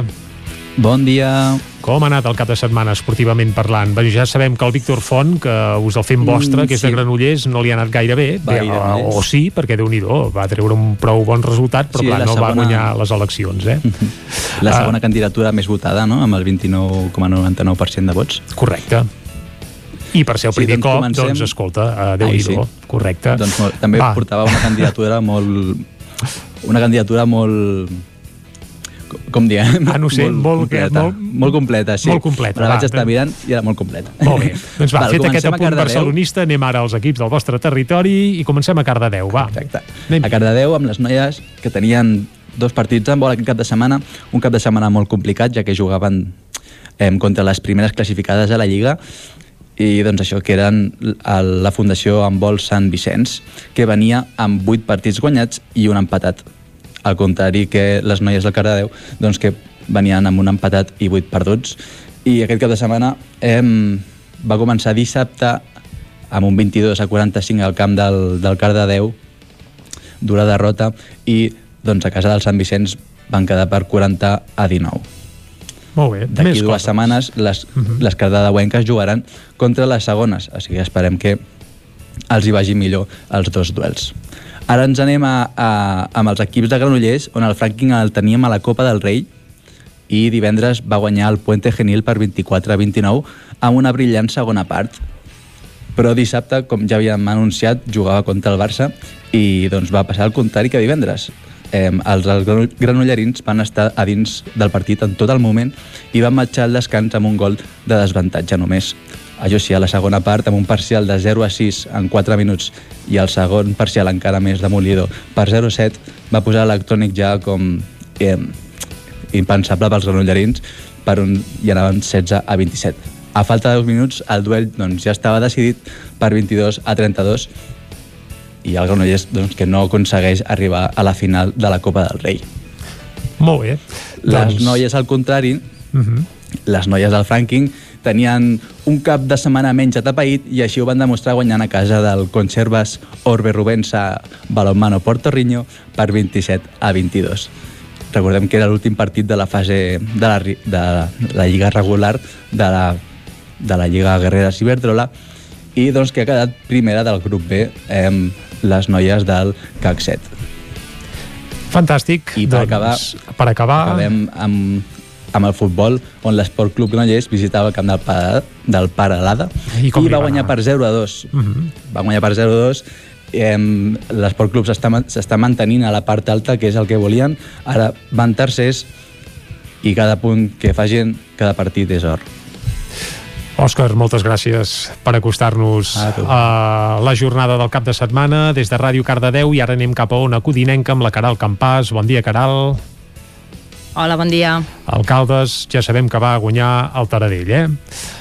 Sí, el Caldes va guanyar el Taradell i s'enfrontarà al Barça eh, divendres, a un partit eh, molt complicat perquè el Barça va, va primer la classificació, però bé, eh, sí que va, va lluir en aquest eh, partit contra el Taradell aquest cap de setmana, que va guanyar per 9 a 4, i les que no van guanyar eh, van ser les noies del Vigas i Rills femení que s'enfrontaven al Telecable en la jornada 4 de la segona volta, un partit eh, complicat que, pel Vigas que va acabar, va acabar, com deia, perdó, amb aquest 2-4 Eh, I comentar que el Sant Feliu, que el tenim a segona divisió, eh, ja us vam avisar que havia suspès el partit d'aquest cap de setmana contra les Rozas per un positiu a, al Sant Feliu. I bé, es tracta el prim, del primer confinament que viu l'equip de Josep Maria Rovira aquesta temporada, ja que doncs, fins ara els, tots els partits que havia vist ajornats havien sigut per positius doncs, als altres equips. Llavors, eh, el Sant Feliu, que és vuitè, en principi hauria de tornar a jugar aquest pròxim dissabte a la pista del Vilanova, però veurem com va tot plegat, perquè eh, tot i que el positiu del Sant Feliu es va detectar la setmana passada, encara no els han fet proves a la resta de l'equip eh, i a més a més no tenen notícies dels eh, rastrejadors. Llavors veurem com va tot plegat i si poden jugar aquest cap de setmana vinent. Aviam, doncs fantàstic. Alguna cosa més, Caral? Això és tot. Doncs anem ara cap al Ripollès amb l'Isaac Muntades. Aquí ja saludem. Isaac, molt bon dia. Molt bon dia, Jordi. Com ha anat el Ripollès, esportivament parlant, el cap de setmana? Doncs jo, primer de tot, us volia fer un apunt de les eleccions del Barça per una cosa curiosa d'aquí de la clar. penya blaugrana de, sí, de la penya blaugrana de Sant Joan de les Abadeses, Uh -huh. que disposen de, de 15 vots eh, en aquesta penya i el que van fer és que van demanar l'opinió als 42 socis que, que en formen part Uh -huh. perquè diguessin doncs, a, qui, a qui volien votar. No? En aquest cas, 24 van, van voler votar a Joan Laporta i, i 18 a Víctor Font. Això és un 57 eh, per, i un 42%. I després d'aplicar el tant per cent obtingut en aquests eh, 15 vots, doncs es va, es va decidir doncs, que 9 vots anirien per Joan Laporta i 6 per Víctor Font. Per tant, és una manera curiosa i, i força democràtica doncs, de decidir eh, el president del Barça eh, aquí a Sant Joan dels Badès que es, realment era curiós i us ho volia explicar Doncs vinga, I- ja ho sabem. molt bé. i, i deixant de banda aquesta curiositat, aquest cap de setmana ja comença a activar-se la cosa aquí al Ripollès i, Mhm. i si us sembla doncs començarem parlant-vos de- d'hoquei patins perquè es va reprendre la competició eh, al Ripollès, el grup A de la primera catalana eh, males notícies perquè va fer amb derrota de l'hoquei Club Ripoll perquè va caure doncs, a la seva pista contra el Club Patí de Ter en un derbi del territori 17 per 1 a 2 en un partit que, que es va decidir al final a falta de, de 5 minuts amb un xut llunyà. I això que, que els ripollesos doncs, van començar bé perquè Jaume va, va notar el primer gol de falta directa però al cap de 10 minuts ja hi havia l'empat a 1 en el marcador i doncs en una segona part, eh, com això comentava, eh, que, que es va decidir al final, doncs el partit es va posar bastant calent, l'àrbitre va haver de- d'ensenyar de, diverses targetes blaves per calmar els ànims i al final doncs el Roda Ter, que normalment en els últims partits contra el Ripoll li ha pres bastant la, la mida i, i se solen portar els punts. Uh, ara mateix el Ripoll és cinquè amb 3 punts, uh, només s'han jugat dos partits, per tant, evidentment no, no s'ha jugat res pràcticament, i, i el, té els mateixos partits que el Roda Ter, que és el líder de la competició amb 6 punts.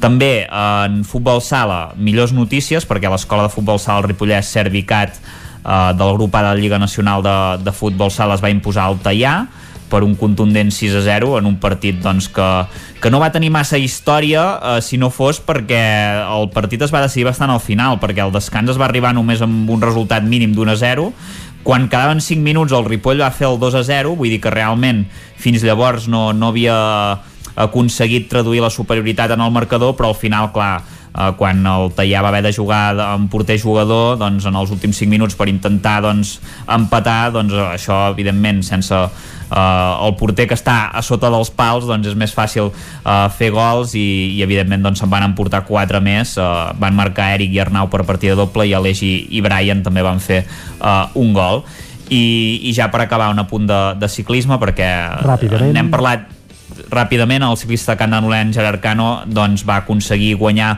dues de les tres proves que es van fer a la Lliga Catalana de Pista Ciutat de, Mara, de Mataró, el velòdrom d'aquesta localitat, va guanyar en escratx i eliminació i va acabar cinquè en puntuació. Moltes gràcies, Isaac. A vosaltres. I del Ripollès anem cap a Osona amb l'Ester Rovira. Ester, molt bon dia. Bon dia. Bé, cap a Osona, però també amb un tros al Ripollès, eh? Amb el cor sempre al L'Ester. Rovira de Sant Joan de les Abadesses, però que ens parlarà dels resultats esportius del cap de setmana a Osona. Ja sabem que el Taradell no li va anar gaire bé perquè va caure a la pista d'alcaldes. Sí.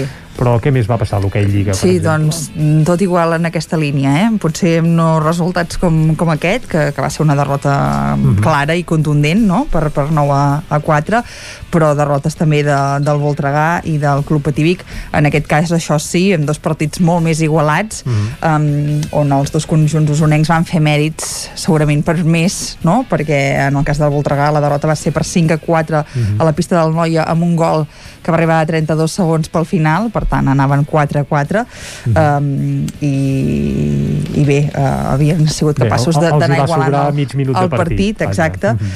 um, i també va ser molt igualat i aquí segurament encara més mereixia el Pativic perquè es va posar per davant en el marcador i de fet ho va fer fins a tres vegades. Cada vegada que el Lleida l'empatava recordem que el Lleida és el quart classificat i el Club Pativic és, és penúltim eh? jugaven allà, per tant uh, Molt molt mèrit, mèrit sí, perquè sí. continuen tenint moltes baixes al Vic i perquè fa moltes setmanes que estan enfonsats al Pou i això també psicològicament és, és difícil, per tant van fer un molt bon partit sobretot a la primera part. El que passa és que els va fer mal que just començar la segona uh, els empatessin i després també el mateix. Uh, a mesura que van anar passant els minuts va caure el, el quart de Lleida i el resultat final va ser un 4 un 4-3, per tant això que dèiem tornada negra de resultats uh, Pels equips usonencs a l'hoquei Lliga. Exacte. Um, més bé li van les coses al Manlleu d'hoquei Lliga Plata, que va aconseguir uh, una nova victòria i en aquest cas ha liderat en solitari, aprofitant ensopegades dels seus rivals directes a la part alta del grup nord.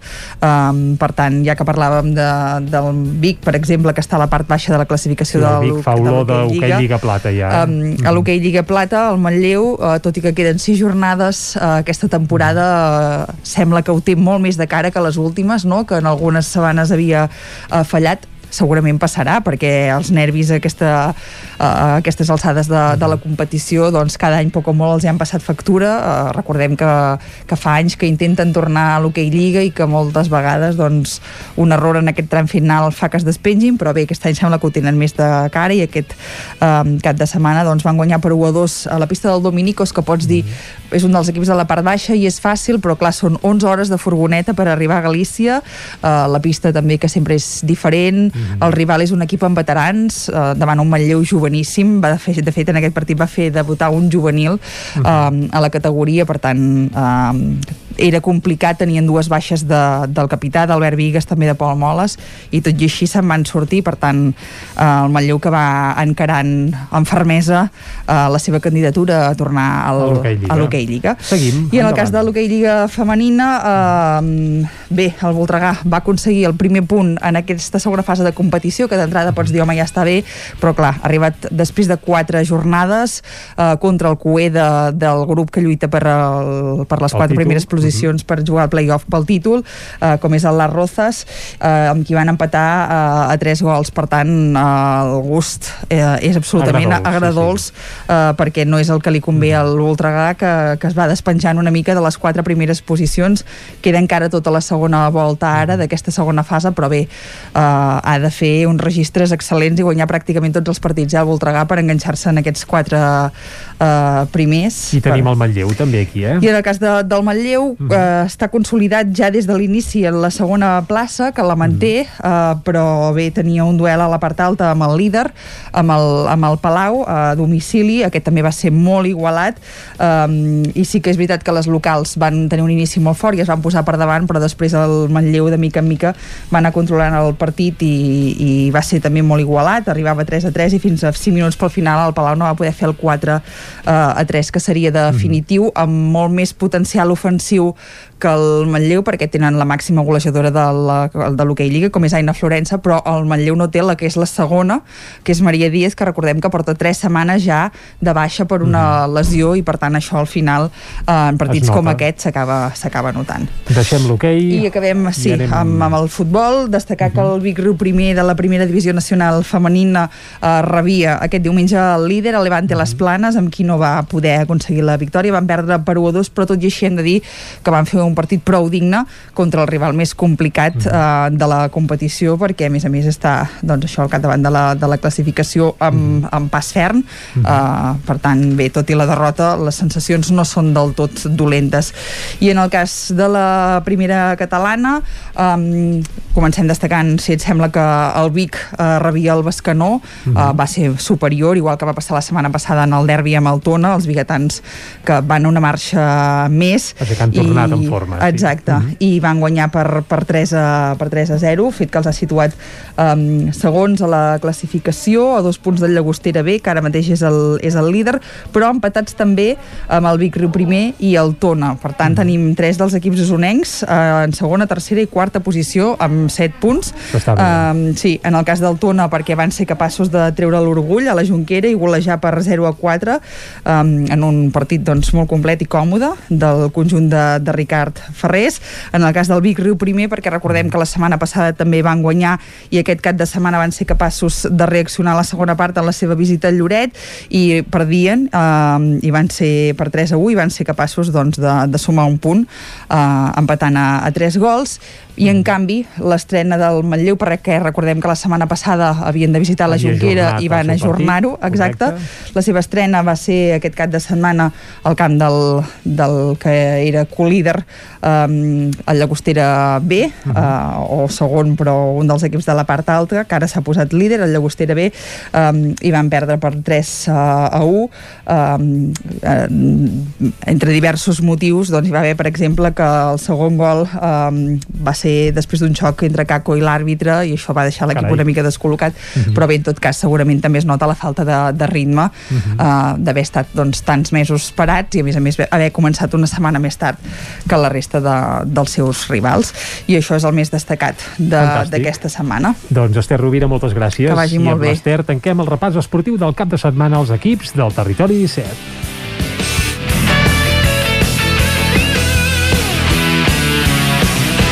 I quan són les 11 i 5 minuts i mig del matí, torna la informació de les nostres comarques, les comarques del Ripollès, Osona, el Moianès i el Vallès Oriental. Territori 17, amb Vicenç Vigues i Jordi Sunyer. Tots els municipis del Ripollès tindran aprovat el protocol contra la violència de gènere en espais d'oci nocturn durant el primer trimestre de 2021.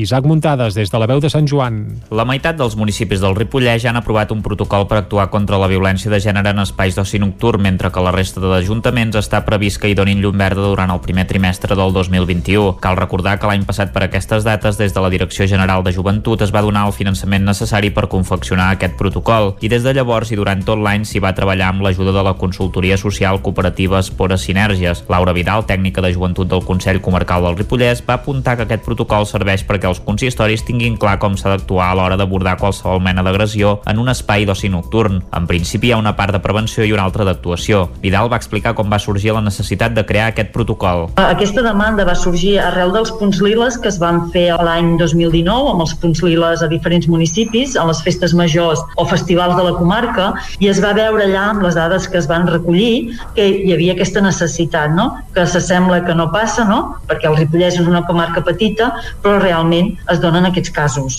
Ho van fer l'entitat Espora, en aquest cas perquè són professionals, venia una persona, en aquest cas psicòloga, per poder derivar aquests casos, i fan un recull de totes les detencions que es fan a la nit. I es van recollir diferents joves que s'apropaven, que potser no havien tingut l'agressió en aquell dia, però sí que havien tingut un tipus d'agressió i per tant ho manifestaven. Tenien la necessitat. Aquestes actuacions es van traslladar a la taula de salut i de gènere de la comarca, on hi ha tots els agents de salut que treballen amb els joves i que van elaborar el document durant un any. També es van fer grups focals a la comarca on s'incluïen joves, entitats, propietaris d'establiments nocturns o Mossos d'Esquadra. Neus Bosch, que també és tècnica de joventut, va explicar que ja s'ha establert un calendari d'accions per aquest 2021 i va enumerar-ne algunes. tallers de sensibilització cap a famílies de joves i infants, una difusió més extensa a la ciutadania sobre tots els recursos que existeixen en l'àmbit d'abordatge de violències sexuals. També hi ha una part important de formació, formació a cossos de seguretat, formació a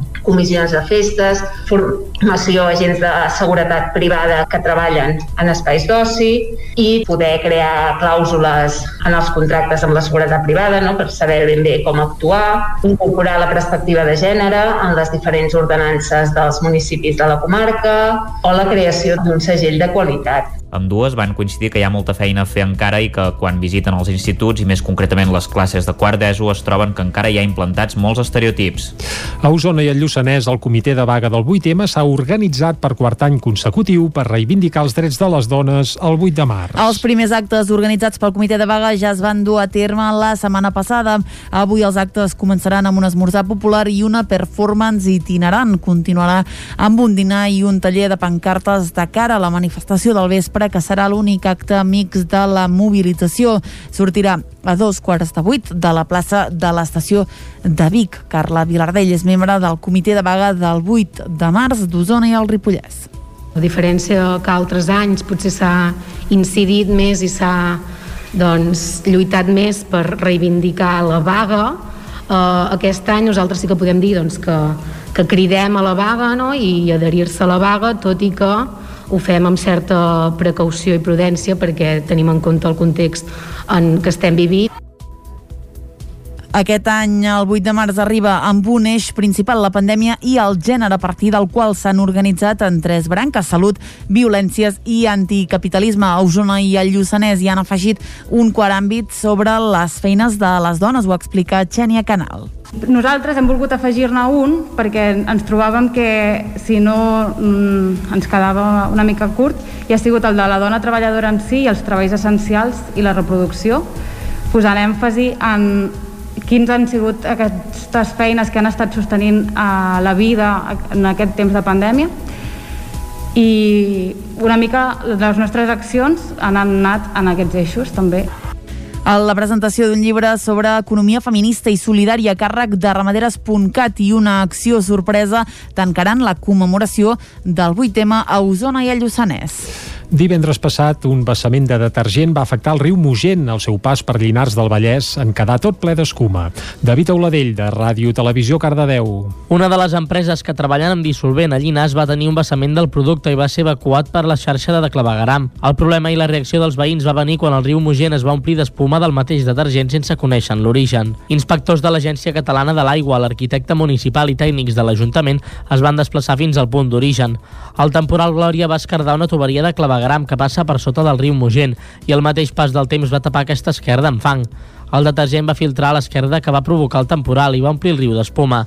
Prix es va posar a treballar al moment per iniciar les tasques de reparació provisional d'aquest punt de la xarxa de clavegaram, del que no se'n tenia coneixement anteriorment i que durant aquestes setmanes duran a terme les tasques de reparació finals. I fins aquí el butlletí informatiu de les 11 del matí que us hem ofert amb Clàudia Dinarès, David Auladell i Isaac Muntades. Ara nosaltres el que farem és una breu pausa i de seguida coneixerem qui ens acosta avui als solidaris l'Eloi Puigferrer. Mig minut i ho descobrim.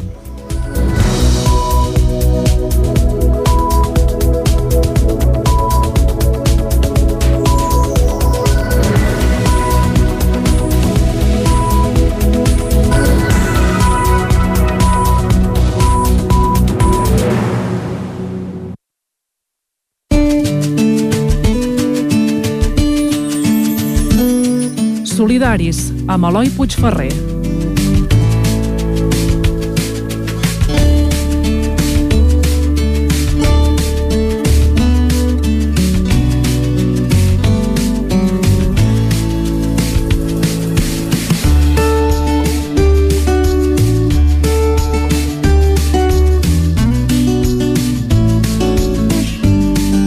Parlem d'èpoques i moments traumàtics a la vida d'algunes persones, en casos no es tarda massa a detectar el motiu i l'origen de les preocupacions més fondes. En el programa Solidari ja hem parlat dels efectes que pot tenir un problema de salut en la vida de les persones, concretament quan vam conèixer l'associació Ripollès Cor i la seva activitat per ajudar la gent que pateix problemes cardíacs. Però avui és moment de seguir aquest camí tot parlant d'un enemic encara més fort i preocupant, el càncer. Cada any a milers o milions de persones se'ls diagnostica un càncer en alguna part del cos, fet que dona el tret d'inici a una llarga lluita de tu a tu contra una malaltia encara molt desconeguda. Aquest procés no és ni de tros senzill, però tampoc és un camí impossible. Acompanyat sempre de persones expertes i de gent que et faci costat, un càncer no és sinònim de patir i de que s'acabi la vida, sinó que és sinònim de lluita i de superació. Aquest recolzament a la comarca d'Osona té un nom concret i que destaca per damunt dels demés, Osona contra el càncer, entitat que porta ja més de dues dècades acompanyant a qui pateix aquesta afecció. Avui, des de Ràdio Vic i a través de l'antena de Territori 17, coneixerem una de les associacions més reconegudes a la comarca tot parlant amb la seva presidenta, Montserrat Freixer, que més enllà d'encapçalar l'entitat, també va ser qui va portar la primera espurna. Osona contra el càncer és una associació sense ànim de lucre per ajudar tots els malalts de càncer i les seves famílies. Això és el seu fonament. Tenim de, de passar a l'any 72 que jo era de l'Associació Espanyola contra el Càncer. Aleshores ens vam donar compte que aquí teníem un equip d'oncòlegs molt bo, que teníem un hospital fantàstic, que teníem molts malalts i no teníem diners. Aleshores, amb el doctor Lentorn, l'Art Batista Lentorn, vam decidir fer una cosa o l'altra per poder... I ens vam separar de l'Associació Espanyola. I es va formar Osona contra el càncer, eh, amb el permís, o com ho diríem, demanant-ho a totes les associacions de la comarca, que quasi són totes, tots els pobles de la comarca són Osona contra el càncer es van reunir a totes i se'ls va demanar si volien continuar amb l'associació espanyola o volien entrar a formar part a Osona contra el càncer que tot quedava a casa i esclar, el resultat va ser per unanimitat que tothom va voler per casa aquest esperit de germanor va començar a germinar i agafar forma de cara a l'any 1998, quan es va constituir formalment Osona contra el càncer. I tot i que habitualment els inicis són complicats, en el seu cas van debutar per la porta gran, recaptant més de 40 milions de les antigues pessetes. El 96 vam començar amb una marató que no s'havia fet mai cap aquí a la comarca, que necessitàvem 20 milions per comprar un parell d'aparells.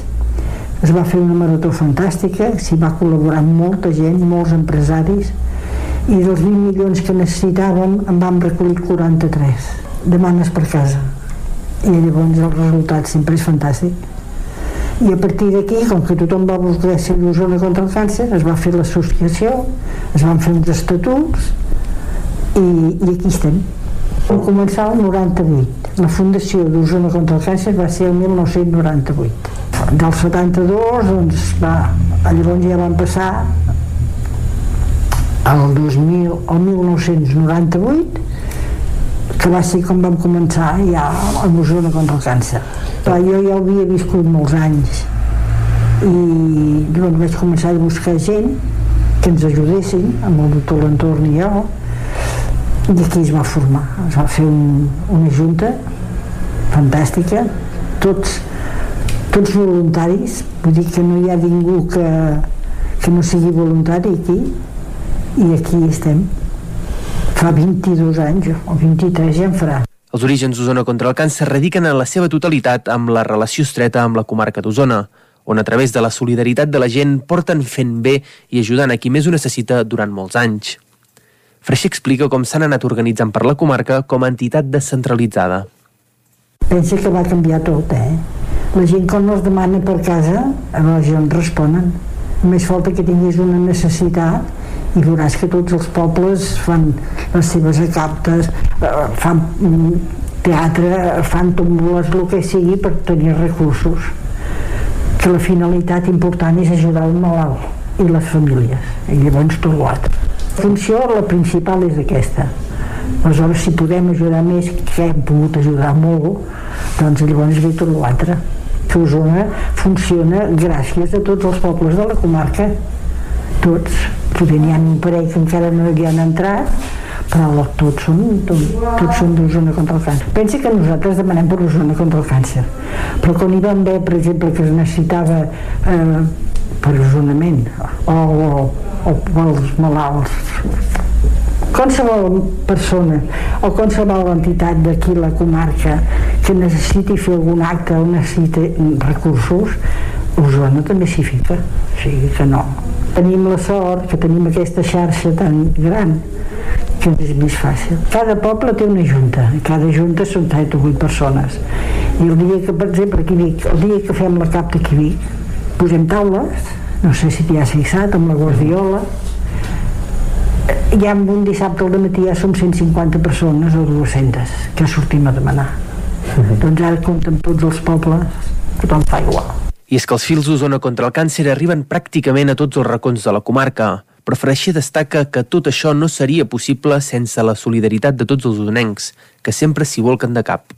Jo em fa l'efecte que si ja et dic que hi ha un parell de pobles que no hi ha hagut manera, no sé per què, però bueno, esperem fer-ho. Sí, perquè ens, també ens va bé tenir tot el contacte, perquè nosaltres els problemes d'aquí els, els sabem però si hi ha necessitats a pobles de la comarca, si no hi ha algú que t'ho informi, nosaltres no, no podem respondre. I llavors elles mateixes es que oh, hi ha aquesta senyora que té aquest problema, que aquí, que allà, i tots estem connectats. Som una pinya, entre tots tirem endavant Osona contra el càncer. N'estem més orgullosos de la comarca, eh? Amb els seus 22 anys de vida, l'entitat ha ajudat a realitzar molts projectes, però alguns destaquen per sobre dels altres. Freixent destaca dos, la psicooncòloga que des de no fa massa acompanya els pacients de càncer i, sobretot, l'ala d'oncologia de l'Hospital Universitari de Vic, que inicialment va espantar tothom dins de l'entitat. N'hi ha que no se'n poden sortir, els costa molt, perquè és un cop molt fort. Desfà una família, eh? I llavors necessiten algú que els ajudi, que els acompanyi, que els hi faci veure com pot i hem tingut la sort que aquesta psicooncòloga és una nana jove que val moltíssim i pels comentaris que sé tothom n'està moltíssim. Quan els falta alguna cosa ens demanen a veure quina necessitat que necessiten, nosaltres ho presentem en junta i llavors si podem doncs els ajudem. Eh? tot el que sigui la lluita contra el càncer, nosaltres amb 22 anys que som Osona contra el càncer no hem dit mai que no a res que ens hagin demanat. Hem tingut aquesta gran sort. L'àrea d'oncologia ens va voler 750.000 euros. El mamògraf uns 300.000. Vull dir que aquí també vull dir que col·laborem amb tots si podem, quan ens van demanar això ens vam espantar una mica perquè és que per diners però vam dir que de fer la gent, tothom va respondre no sé com ho van fer. Es va fer també una espècie de marató recordo, eh, llavors eh, alguns ajuntaments també ens van ajudar. Any 22 anys que han tingut l'ajuda de molta gent. El paper que té la psicooncòloga és capdalt en tot l'acompanyament i en l'ajuda que es brinda des d'Osona contra el càncer ja que es fonamenta com un pilar essencial per a aquelles persones i famílies que passen per un moment tan complicat. Quan necessiten, doncs venen aquí. Fins ara teníem una psicòloga que va plegar, però ara en tenim una que està a l'Hospital General, que la paga Osona contra el càncer, va a l'Hospital General i va a Santa Creu. I fins ara la que teníem només feia dos dies a la setmana.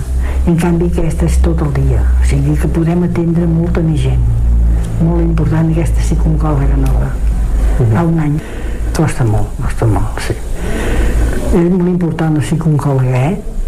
-huh. que no es troben que no saben què perquè és un cop fort per una família és un cop molt fort i llavors la psicooncòloga doncs els ajuda moltíssim i aquesta que s'hi dedica molt inclús va a les plantes on hi ha un malalt o sigui ja des d'un bon principi ja tenen al seu costat una psicooncòloga L'atenció i el tractament del càncer, però, ha patit de valent la pandèmia de la Covid-19, ja que amb els hospitals col·lapsats i amb tots els sanitaris treballant de valent per frenar un virus desconegut, moltes malalties han quedat, malauradament, en segon pla.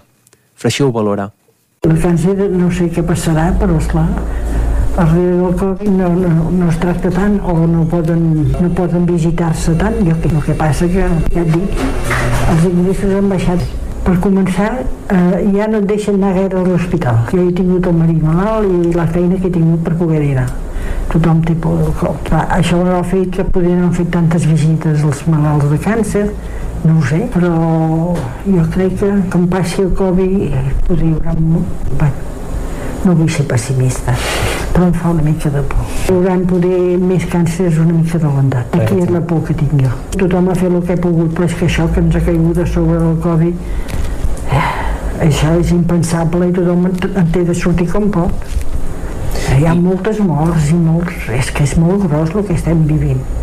I llavors, esclar, té prioritat ara de moment això, el Covid. Càncer no ens paga, clar Aquí ens arriben sol·licituds de persones que ara els falta algun medicament que no entra a la Seguretat Social, que també el paguem nosaltres, tot el que no entra a la Seguretat Social el paguem nosaltres. Si una persona necessita una perruca també li paguem nosaltres, o sigui...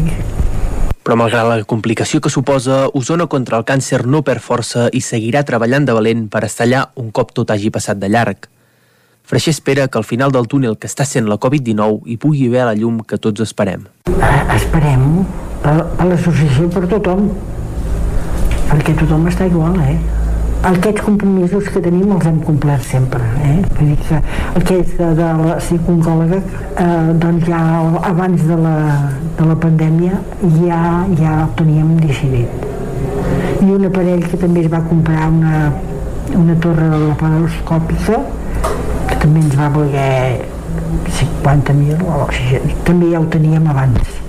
I això com que ja, ho havíem, ja, ja ens hi havíem compromès això ho hem complert però d'aquí endavant eh, Futur incert. sí, sí. Tots els pobles esperen sortir perquè tothom té ganes de fer coses. Això ja tenim o sigui que tornarem si podem ho faci tornarem amb les nostres activitats que fèiem sempre. Captes, conferències en els col·legis que és molt important també. Eh, també tenim un conveni amb la Universitat de Vic que donem un premi de recerca als estudiants un premi de 6.000 euros donem. Amb uns treballs que es presenten sobre el càncer que va, fa 18 anys que donem aquest premi penso que és que el primer any van arribar dos o tres treballs de càncer. Avui dia aquest any hi van haver 22 Sigui com sigui, amb el pas dels anys, Osona contra el càncer segueix sumant bones xifres i, sobretot, bones accions. Mirant tot el camí reconegut, Freixer valora la feina que han fet de manera molt positiva i ara té molt clar l'objectiu a aconseguir, trobar el relleu generacional que asseguri la continuïtat de l'entitat. Soc bastant optimista jo i com que tota la vida he fet coses d'aquestes i sé que la comarca d'Osona és molt solidària no n'hi ha gaires com el nostre eh? Et diré per què. Perquè fa uns anys va venir un metge d'una altra comarca i em va venir aquí i em va dir Montse, explica'm què feu a Osona contra el càncer. I vull provar-ho a la meva comarca. I li vaig explicar ben explicat, que tenim socis que tenim socis. I cap d'un parell d'anys diu Montse, allà no funciona. Doncs no li va funcionar. Potser és la gent de la nostra comarca no sé, potser són molt especials jo ara el que voldria és trobar la persona que em substitueixi i que porti idees noves. Això és important. Nosaltres fins ara ho hem fet tan bé com hem pogut però jo crec que si ve alguna altra persona amb unes altres idees i que pot millorar tot el que hem fet fins ara fantàstic.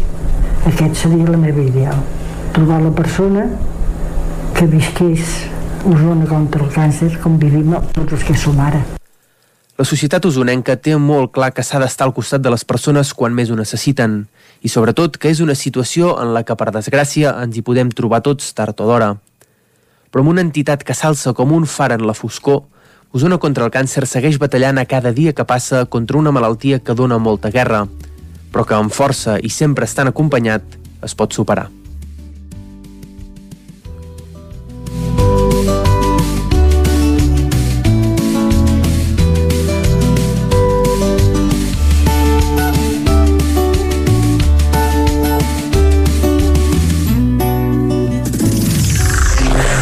El nou FM. Això és el que s'escolta al voltant d'una caldera saunia d'Oval.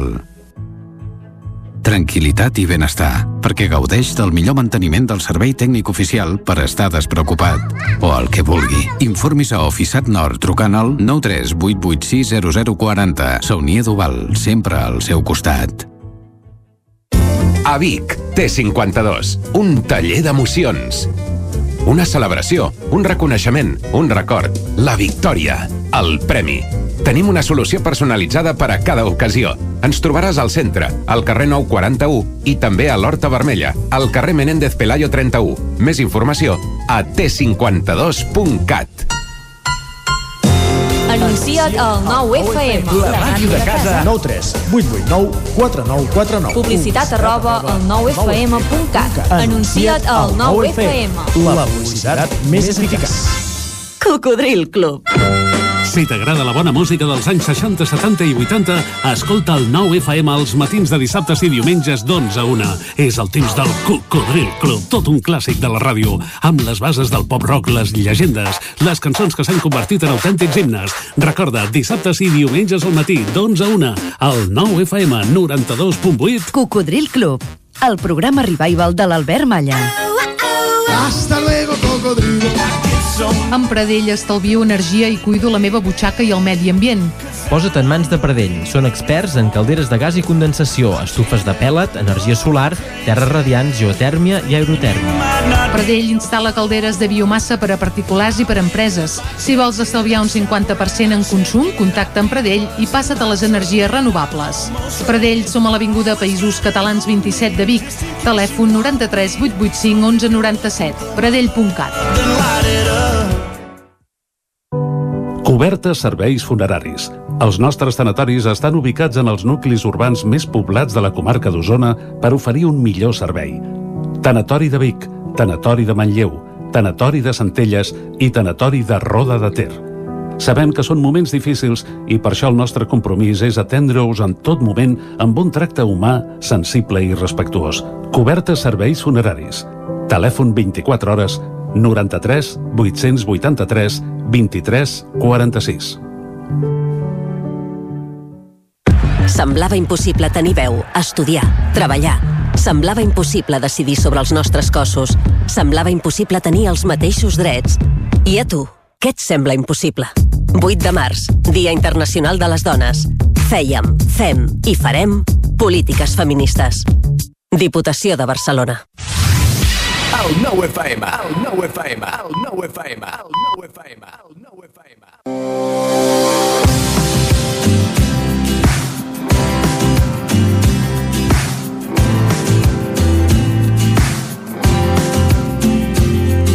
Vilallonga de Ter ofereix una gran bellesa paisatgística amb una vegetació que reflecteix una immensa varietat cromàtica a la tardor, la plasmació dels diferents tons verdosos a la primavera i estiu i, com no, el blanc enlluernador de l'hivern, que deixa emblanquinat el paisatge de la vall. També s'hi concentra una gran varietat de fauna. A la muntanya i als boscos hi podem trobar isars, senglars, mufons, voltors, marmotes, que ens permeten gaudir encara més d'aquest privilegiat entorn. A la part de la fauna salvatge, cal tenir en compte que Vilallonga de Ter és un dels municipis amb una de les cabanyes ramaderes més importants de Catalunya. A Vilallonga de Ter, població del Ripollès, es pot viure la natura i l'aventura pels seus paratges de moltes maneres diferents, des dels més petits als més grans de la família. El municipi disposa d'un ampli ventall de possibilitats que es poden realitzar tant en el municipi com a la resta de la vall de Camprodon. Entre els paratges de la natura podeu fer la ruta de les Fonts i del pintor Joan Pons. Aquesta ruta ens permet tenir una immillorable panoràmica de la part més baixa del municipi de Vilallonga de Ter, des del poble de Vilallonga fins al poblet de la Roca, sempre al voltant del riu Ter. El que es pretén és mostrar la natura, l'arquitectura i la cultura que el caminant pot trobar al llarg del seu recorregut. Us endinsareu dins la conca de Vallvigil, dita també en època moderna Can Noguet, o podeu gaudir de la natura que impregna tot el territori, amb la seva flora formada per feixes, vessos, avets i pins i una roureda, bàsicament. Destaquen majestuoses masies amb l'arquitectura que les caracteritza. Ermites, antics oratoris, fonts i miradors envolten aquesta ruta desprenent una immensa tranquil·litat i bellesa. L'església dedicada a Sant Martí apareix esmentada per primera vegada en els documents el 1183. L'estructura basilical de l'església, amb tres naus, és d'una tipologia poc freqüent en les construccions d'aquella època existents al Ripollès. L'actual cloquer de torre quadrada és una ampliació de la doble espadanya antiga, però sense dubte és l'absis l'element més interessant del temple. La cornisa molt vella fa uns petits arcs i mostra una execució molt acurada. El primer esment de la parròquia de Sant Julià és del segle X. Inicialment era un edifici romànic del que en previuen els murs de la nau i probablement la volta. A la façana principal s'aixeca un campanar de torre construït al segle XIX. A la mateixa façana, a l'interior d'una fornícula, hi ha una imatge de Sant Agustí, patró de Tregurà. Territori 17 I de Vallfogona de Ripollès, on no hi ha R3, anem ara a la Trenc d'Alba, com cada dia aquí a Territori 17, per conèixer les aventures i desventures que es viuen en la línia de tren segurament més arrovellada que hi ha ara mateix eh, bé, al país. Anem-hi, va, a la Trenc d'Alba, cap a dins. A Trenc d'Alba, edició pandèmia. Ara sense els usuaris que ens explicaven les seves desgràcies a la R3, però amb els mateixos retards i problemes de sempre. Benvinguts a Tren d'Alba. Doncs ara fa uns dies el diari El 9-9 va publicar una notícia sobre l'adjudicació de les obres a l'estació de Vic per part de Renfe. Ara n'ha adjudicat part de l'obra civil, que va sortir a concurs fa un any i que no costarà 4 duros, sinó que seran 540.042 euros en viva inclòs i que acaba de ser adjudicada a l'empresa Contrates Vilor per 316.440 euros més IVA. L'obra té un termini d'execució de 7 mesos, per tant, si tot va bé, hauria d'estar acabada cap al mes d'agost i servirà per fer una rentada de cara de tota la part exterior de l'edifici històric, incloent-hi els àmpits i elements ornamentals que reforçaran. També repararan alguns elements de la coberta que estan fets malbé i se substituiran les canaleres. Entre les actuacions previstes també s'hi posaran dispositius anticoloms en els llocs que més s'hi posen i elements antivibratoris per les màquines de climatització. Demà ja us explicaré què s'hi ha fet darrerament i per què aquesta obra és tan important. Va, ens retrobem demà amb més històries del tren i de l'R3. Territori 17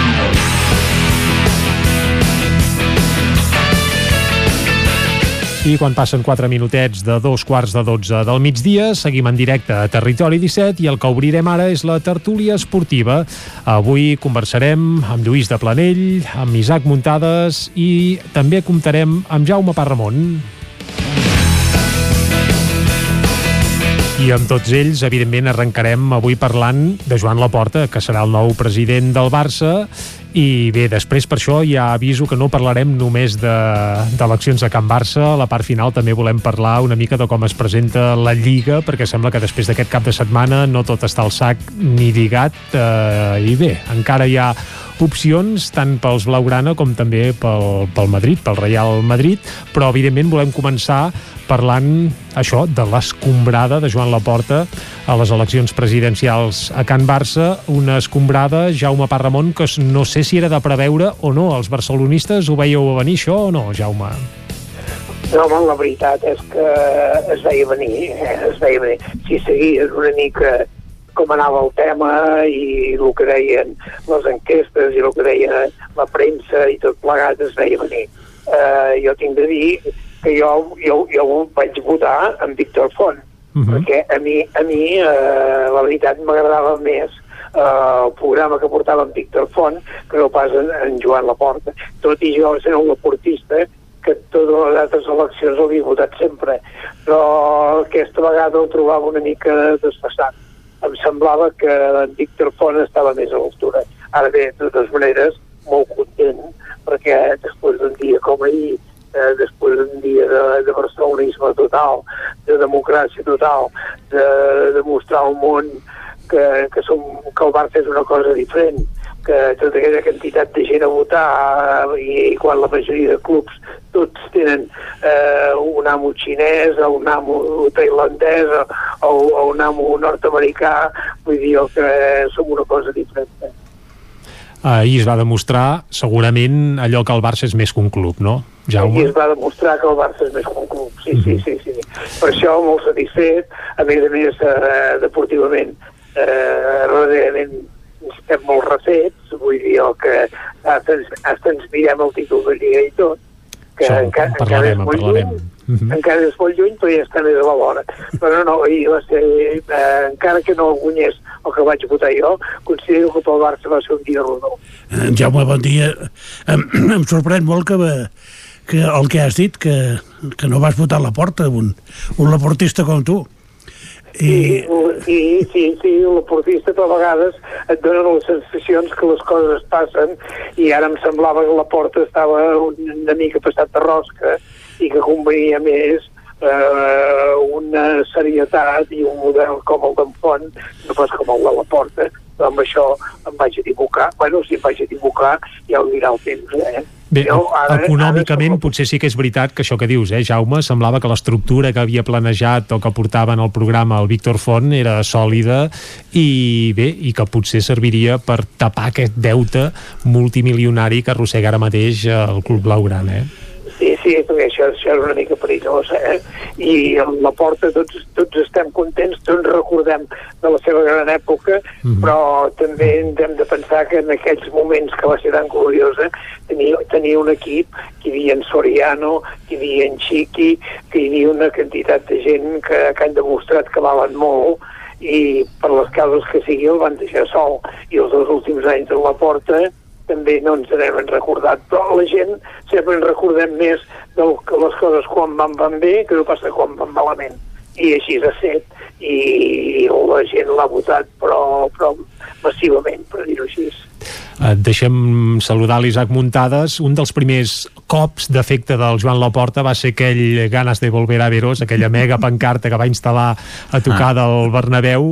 Eh, em sembla que allò li va valdre uns quants vots i no sé l'Isaac si la recorda la pancarta, eh? Sí, eh? Sí, sí, que me'n recordo i tant, que me'n recordo. Com allà, per no allà va guanyar mitges eleccions, va guanyar la porta. Sí, allà. jo, jo crec que les va guanyar totes aquell dia, perquè des, després de molts mesos que segurament ja s'havien ha posat sobre la taula quins candidats hi hauria, com és el cas de Víctor Font, que ha pregonat per activa i per passiva que havia treballat un programa des de feia 7 anys i que tenia Xavi com a director esportiu o no, no sé quin, quin, quin paper tindria en l'organigrama. I, i clar, t'arriba t'has preparat tant a temps perquè Joan Laporta amb una sola pancarta eh, aconsegueixi que tots els culers doncs, el, el votin perquè els culers en el fons els, eh, són nostàlgics i, i, i van votar molts per, per la tripa, per, per el cor no? No, potser no tant per un projecte a llarg termini sinó per donar un cop d'efecte i clar, en el moment en què en el dia de les eleccions el propi Xavi Hernández li posa un m'agrada en l'Instagram de Joan Laporta, clar, ja se t'acaba de desmuntar eh, tota possible batalla que li poguessis presentar anteriorment per tant jo penso que les eleccions ahir no tenien cap... Jo, jo sabia que guanyaria Joan Laporta, el que no sabia és de quan guanyaria. Mm. Al final hasta em va semblar poc, eh, realment, perquè va guanyar amb un 54%. Home, és molt i, això, i jo, eh? No, no, jo apostava que guanyaria per un 70, eh, t'ho dic, dic de veritat, perquè jo, Toni Freixa no va tenir gaires bons resultats, inclu, inclús potser m'esperava una mica menys, i Víctor Font realment va treure la meitat dels vots de la porta, una, una mica més, em sembla. Uh, vull dir que realment no, no hi va, present, no hi va haver-hi batalla. Vull dir que en certa manera era una cosa esperada. A uh, segundes partes uh, excepte el Senyor dels Anells i el Padrino mmm, poques vegades són bones. Home, i Florentino futbol en coneixem i la de Florentino Pérez parts, eh? la de Florentino Pérez és l'única la de Florentino, uh, vaja, per exemple. per tant, per tant jo crec que no, no, no anirà bé això i, i, i Messi és més gran, eh, ara que aquest és el problema que té la porta Jaume, compraràs, Molt més gran. compraràs bonos o no? compraré bonos o no bueno, encara els hem de veure eh? encara els hem de veure no m'agrada l'idea però encara els hem de veure això dels bonos ja en parlarem eh? oh, perquè és, aquesta és l'altra o sigui, molts socis, molts socis, però si el ve algun xino, que, que, com has dit abans, i compra molts bonos, de qui serà el club després? Bueno, clar, per això de veure com ho presenten, a veure eh, si posen un tope de compra, a veure, bueno, jo crec que els bonos, si els posen aquí, no anem per esperar que arribin els xinos, eh? Hi haurà molta gent que els comprarà, molta gent que els comprarà. Bé, estem parlant d'una hipòtesi, eh? Encara això oh, no s'ha... Ho va presentar la porta, això, eh? Eh, ho va, ho va mig comentar, però no, ni va avançar els detalls, ni en quines ah, condicions, no, etc. Vull dir que és un projecte que va semblar que encara estava una mica verd. I si eh, els compra en Florentino? Exacte, t'imagines? Home, controlant el Barça. En Florentino, que, que de números en sap un niu, doncs oh, potser, bé, si més no, uh, si veu que hi pot fer algun calent, que ara seria capaç de comprar-ne. Però no parlarem d'això, sinó que m'agradaria parlar també d'un petit detall, i és que si ens assenyim en fer una lectura política dels vots d'ahir, resulta que pràcticament el 90% dels socis barcelonistes van votar candidats independentistes, perquè la porta amb lo tornarem a fer que portava el mateix eh, lema electoral, deixava ben clar de quin peu calça, el Víctor Font també ja ho ha reconegut públicament, que és independentista, l'únic, el Toni Freixa sí que ell ho va deixar clar també, que era català, catalanista, però també espanyol. Uh, aquesta no sé, lectura... Eh? El futbol no sé si es pot fer aquesta lectura. Home, en el cas del Barça, eh, bé, la primera època a la Porta va coincidir també amb l'arribada del Jordi Porta precisament al Mium Cultural, netament independentista, amb l'arrencada també paral·lelament de tot el procés, i evidentment que al capdavant del Barça, una de les entitats més importants dels països catalans, hi hagués un president independentista, segurament d'alguna manera també es va notar tot plegat. Però jo veig més l'Albert Rivera votant com en Jaume Parramon, votant en Víctor Font, que no pas votant en Freixa. No sé, no sé què devia... vol- Va votar l'Albert Rivera? Ah, no sé, no sé, no. Ah, no sé, bueno, no sé ni si és soci del Barça, crec que sí que era Eh, això seguidor. li, Però... li demano al Lluís, a veure què va votar l'Albert Rivera, perquè sempre em, em- em frega per la cara que votem igual que l'Albert Rivera, però ens hem quedat a votar l'Albert Rivera. Oh, és que clar, el problema de les eleccions... Bueno, el problema, el, el fet que les eleccions, el vot, si no fa públic el, el, la mateixa persona que vota, naturalment no, no se sap a qui va no, votar. no. Sabem Eh, que perquè- va votar en Jaume Parramon, això sí que ho Exactament, sabem. perquè ens creiem el que diu ell, clar, clar, però clar. tampoc, tampoc que ens ha ensenyat la votar- paperera. Sabem que va votar en Messi, sabem que va votar en Busquets i tota aquesta gent. Tot, tenim clar que tots van votar a la porta, vull dir, és que això no n'hi ha cap dubte, per exemple. Ah, No, no cal que ens ensenyin la papereta, Messi segur. no havia anat mai a votar, va ser la primera Clar, vegada Me- que anava, va anar a votar, eh, Messi. Messi va, vamos, m'hi jugaria el meu cap que va votar a la porta, o sigui, ho tinc claríssim. Doncs si va votar ja- a la porta és perquè vol seguir el Barça. Això seria una lectura? Sí? Sí, sí, no, és, és, és aquesta la lectura, eh, evidentment, eh, perquè si hagués guanyat un altre, potser Messi ja l'any que ve segur que ja no continua en el, en el Barça. Eh? Segur, Avui eh? és el dia de la dona.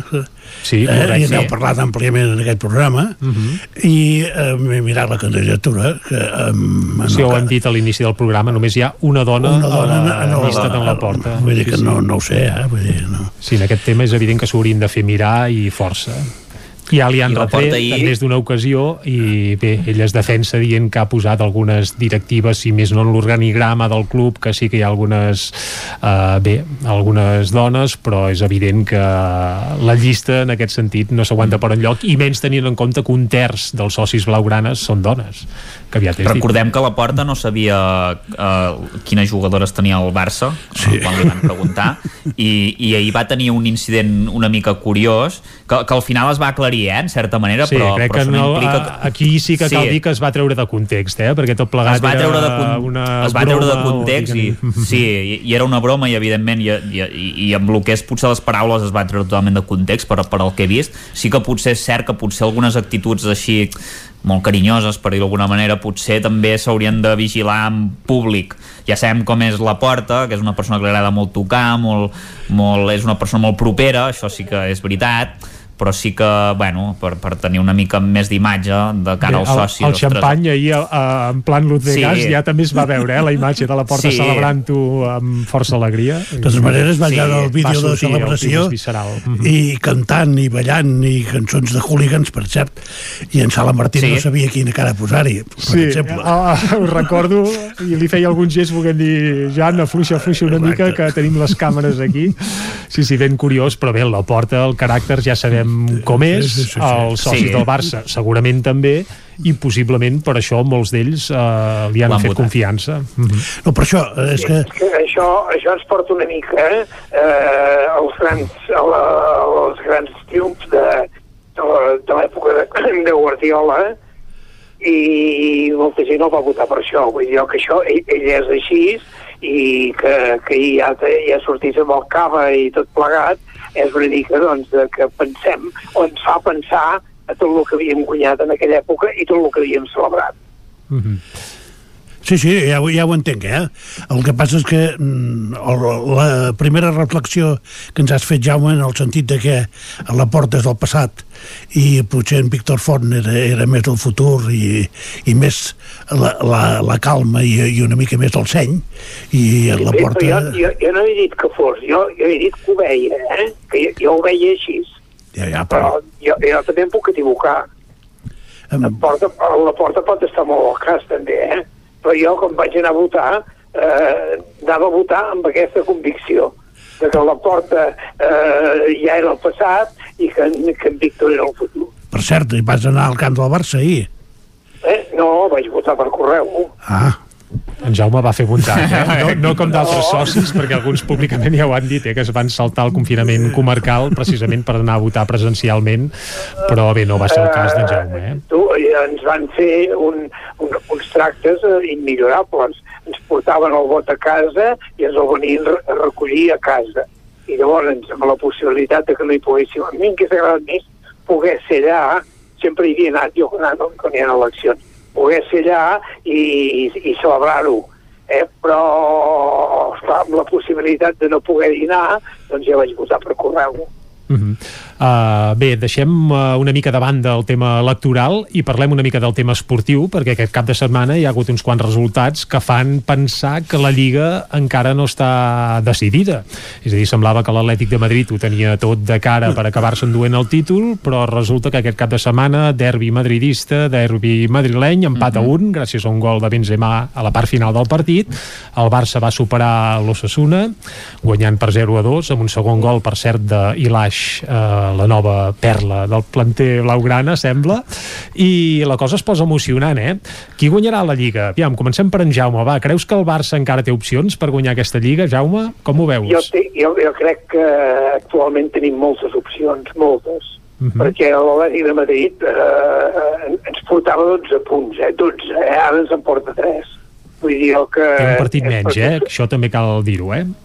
És, fer-s'ho mirar una mica, eh? Llavors, l'Atlètic de Madrid sempre ha estat el Pupus, no ha estat mai un equip regular i, i jo crec que encara en, el, en la postura que ens hem posat i de la manera que el, el Barça quan fa, fa 16 partits que no perd vull dir que això deu voler dir alguna cosa jo crec que tenim totes les opcions encara a Isaac Muntades, tu veus alguna opció pel Real Madrid o no? Sí, jo crec que la guanyarà el Madrid i, i a mi m'agradaria dir tre, tres coses. Vull, vull citar un, una piulada. D'un uh -huh. central del Cádiz Carlos Acapo. Muchas veces quisiera saber el criterio de los árbitros. ¿por qué esta del Atlético no es mano y la nuestra de Negredo contra la Real Sociedad? Sí. La segona cosa que us voldria dir és que es va pitar un penal pràcticament igual en el partit del, del Villarreal i el València i, i que el Madrid aquesta temporada eh, li han xiulat dos penals a favor i set en contra, un dels equips que més trepitja l'àrea. Eh, a veure, això només són dades estadístiques i, i, i opinions però ja enteneu per on vaig, ja, evidentment el partit del Madrid l'hauria d'haver guanyat el Madrid. 1-2, era claríssim. Eh, és inconcebible que una jugada com, com la del penal, penal, que era penal, reconegut per culers, perquè jo he estat amb culers que m'ho van dir, no entenc mm com, com no han xiulat penal, perquè ho era claríssim, i, i per culpa d'això segurament doncs, eh, ens han bueno, ens, ens han provocat que haguem de, de guanyar més partits i, i que sigui més complicada eh, aquesta lliga.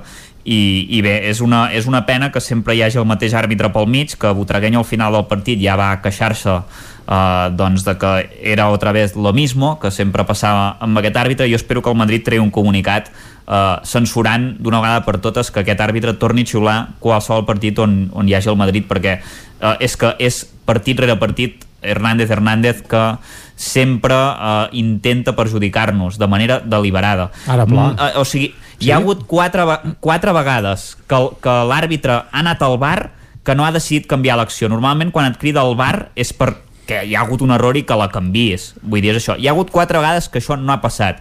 En tres d'elles ha estat implicat l'Atlètic de Madrid i li ha, i li ha anat a favor. Uh, evidentment, uh, esperem que això canvi i si et fan anar a veure el bar és que clarament era una jugada que era penal, claríssim.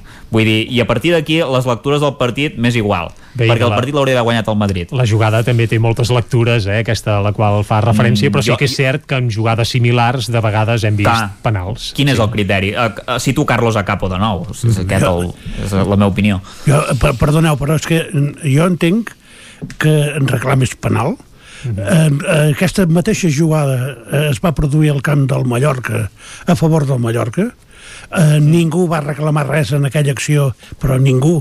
I tothom es va sorprendre com l'àrbitre va parar el partit perquè els del bar havien eh, dit que hi passava alguna cosa a dintre l'àrea i van, hi van haver unes mans que es van produir però que eren absolutament involuntàries. Jo entenc que en aquesta ocasió o, o, o tot o res i, i em penso que no s'ha de xiular res perquè no són mans voluntàries no desvien la, la, la trajectòria de la pilota és que en, de, de manera teoria, notable quan, en teoria la, la, anava a dir la normativa és prou clara una mà involuntària si ajuda a que la pilota acabi mm. a gol o la passi amb un jugador que afavoreixi, és a dir, és penal però una mà involuntària que en teoria no afecta el desenvolupament del joc doncs es pot passar doncs, a, Això seria a, la teoria, a, no? a Madrid no és penal i a Mallorca és penal Bé. i en altres casos... la mà d'aquesta manera veient la pilota veient la pilota, eh? faig aquest comentari important, eh? veient la pilota perquè ell veu la pilota, la té de cara i les tens d'aquesta manera és penal una altra cosa és que et, et, et vingui la... o sigui, et, tinguis estirada la mà per una posició eh, involuntària, per dir-ho d'alguna manera, i des de darrere, sense que tu puguis veure, et piqui la pilota a la mà. Que això en un partit del Madrid va passar, en, amb Sergio Ramos, que no veia en cap moment la pilota ell, i, i li ve totalment i la treu de cop i tampoc és que la tingués tan extesa. Vull dir, Uh, M'agradaria saber els criteris dels àrbits i sincerament que els, que, els, que, els, uh, que ho expliquin, que facin una roda de premsa i que diguin mira, això és mà, això no, perquè si no cada partit passa el mateix i, i, i sembla que estigui plorant i que em vingui a queixar, però és que és reiterat. I, la temporada i... que ve eh, diuen que això ja no serà penal. Sí, Exacte, exacte, la temporada que ve, però, però, però que ho diguin ja, que, que ho expliquin bé i que, i que abans de començar la temporada facin una reunió amb tots els equips i els hi expliquin això serà penal, això no, uh, perquè si no, uh, cada setmana tenim la mateixa polèmica. El Bar semblava que havia de treure la polèmica i no la treu, vull Bé, dir, que encara n'hi posa més. Una mica la gràcia del futbol també és que sí. hi continuï havent alguna mica de polèmica, que si no, sí, amb què ompliríem les tertulies. Però deixeu-me, deixeu-me, clar, ens queden 5 minutets i abans de parlar molt breument de l'Espanyol, que sembla que últimament perd una mica de pistonada, Lluís, només eh, gairebé un sí o no, eh? Aquest dimecres el Barça té un partit a París, eh, pràcticament impossible, suposo, de remuntar, però no sé si algú de vosaltres veu alguna opció mm, que el Barça repeteixi un miracle com fa uns quants anys amb el PSG.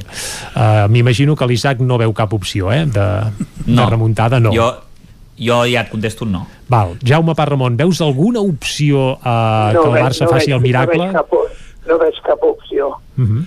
Me sentaré davant de la tele esperant que passi, però no veig cap opció. Molt bé, Lluís potser tampoc, eh? Home, si el, el París surt amb l'infantil, potser sí.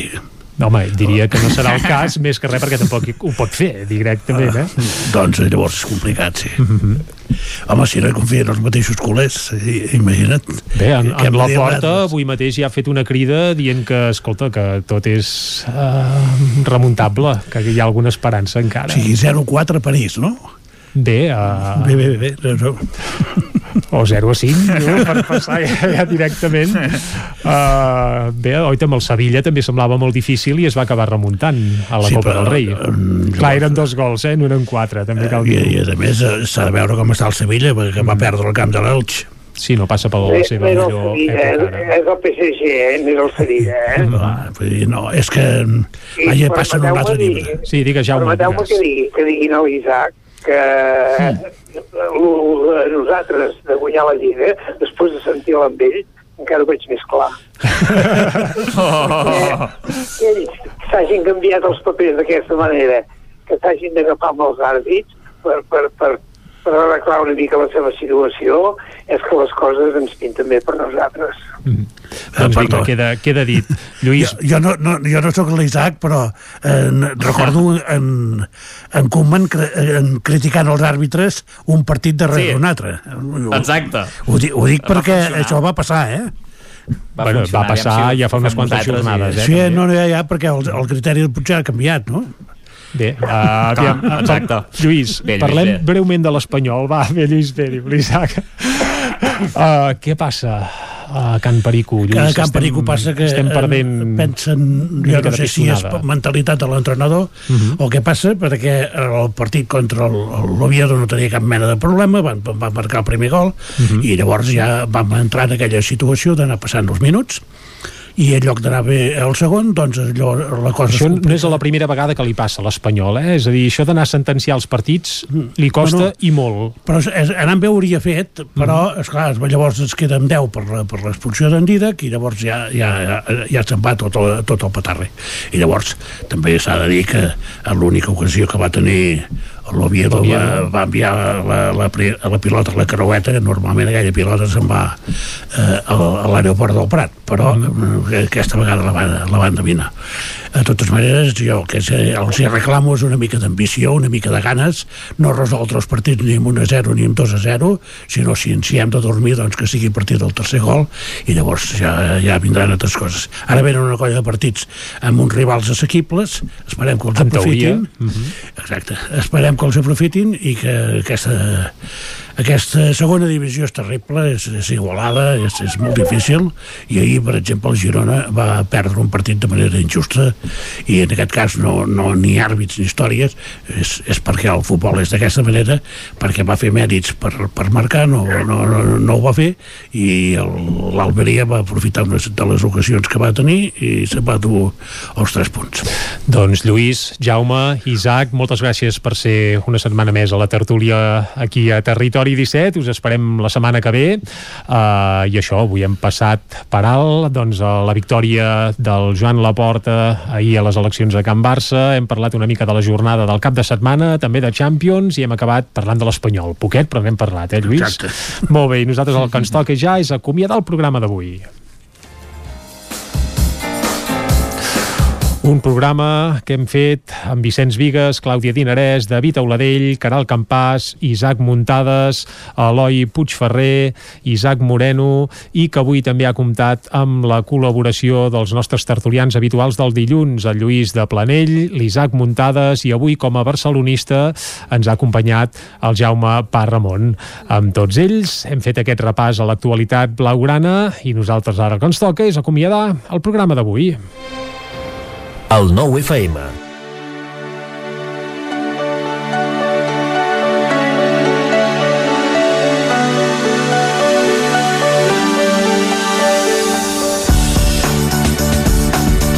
I mira que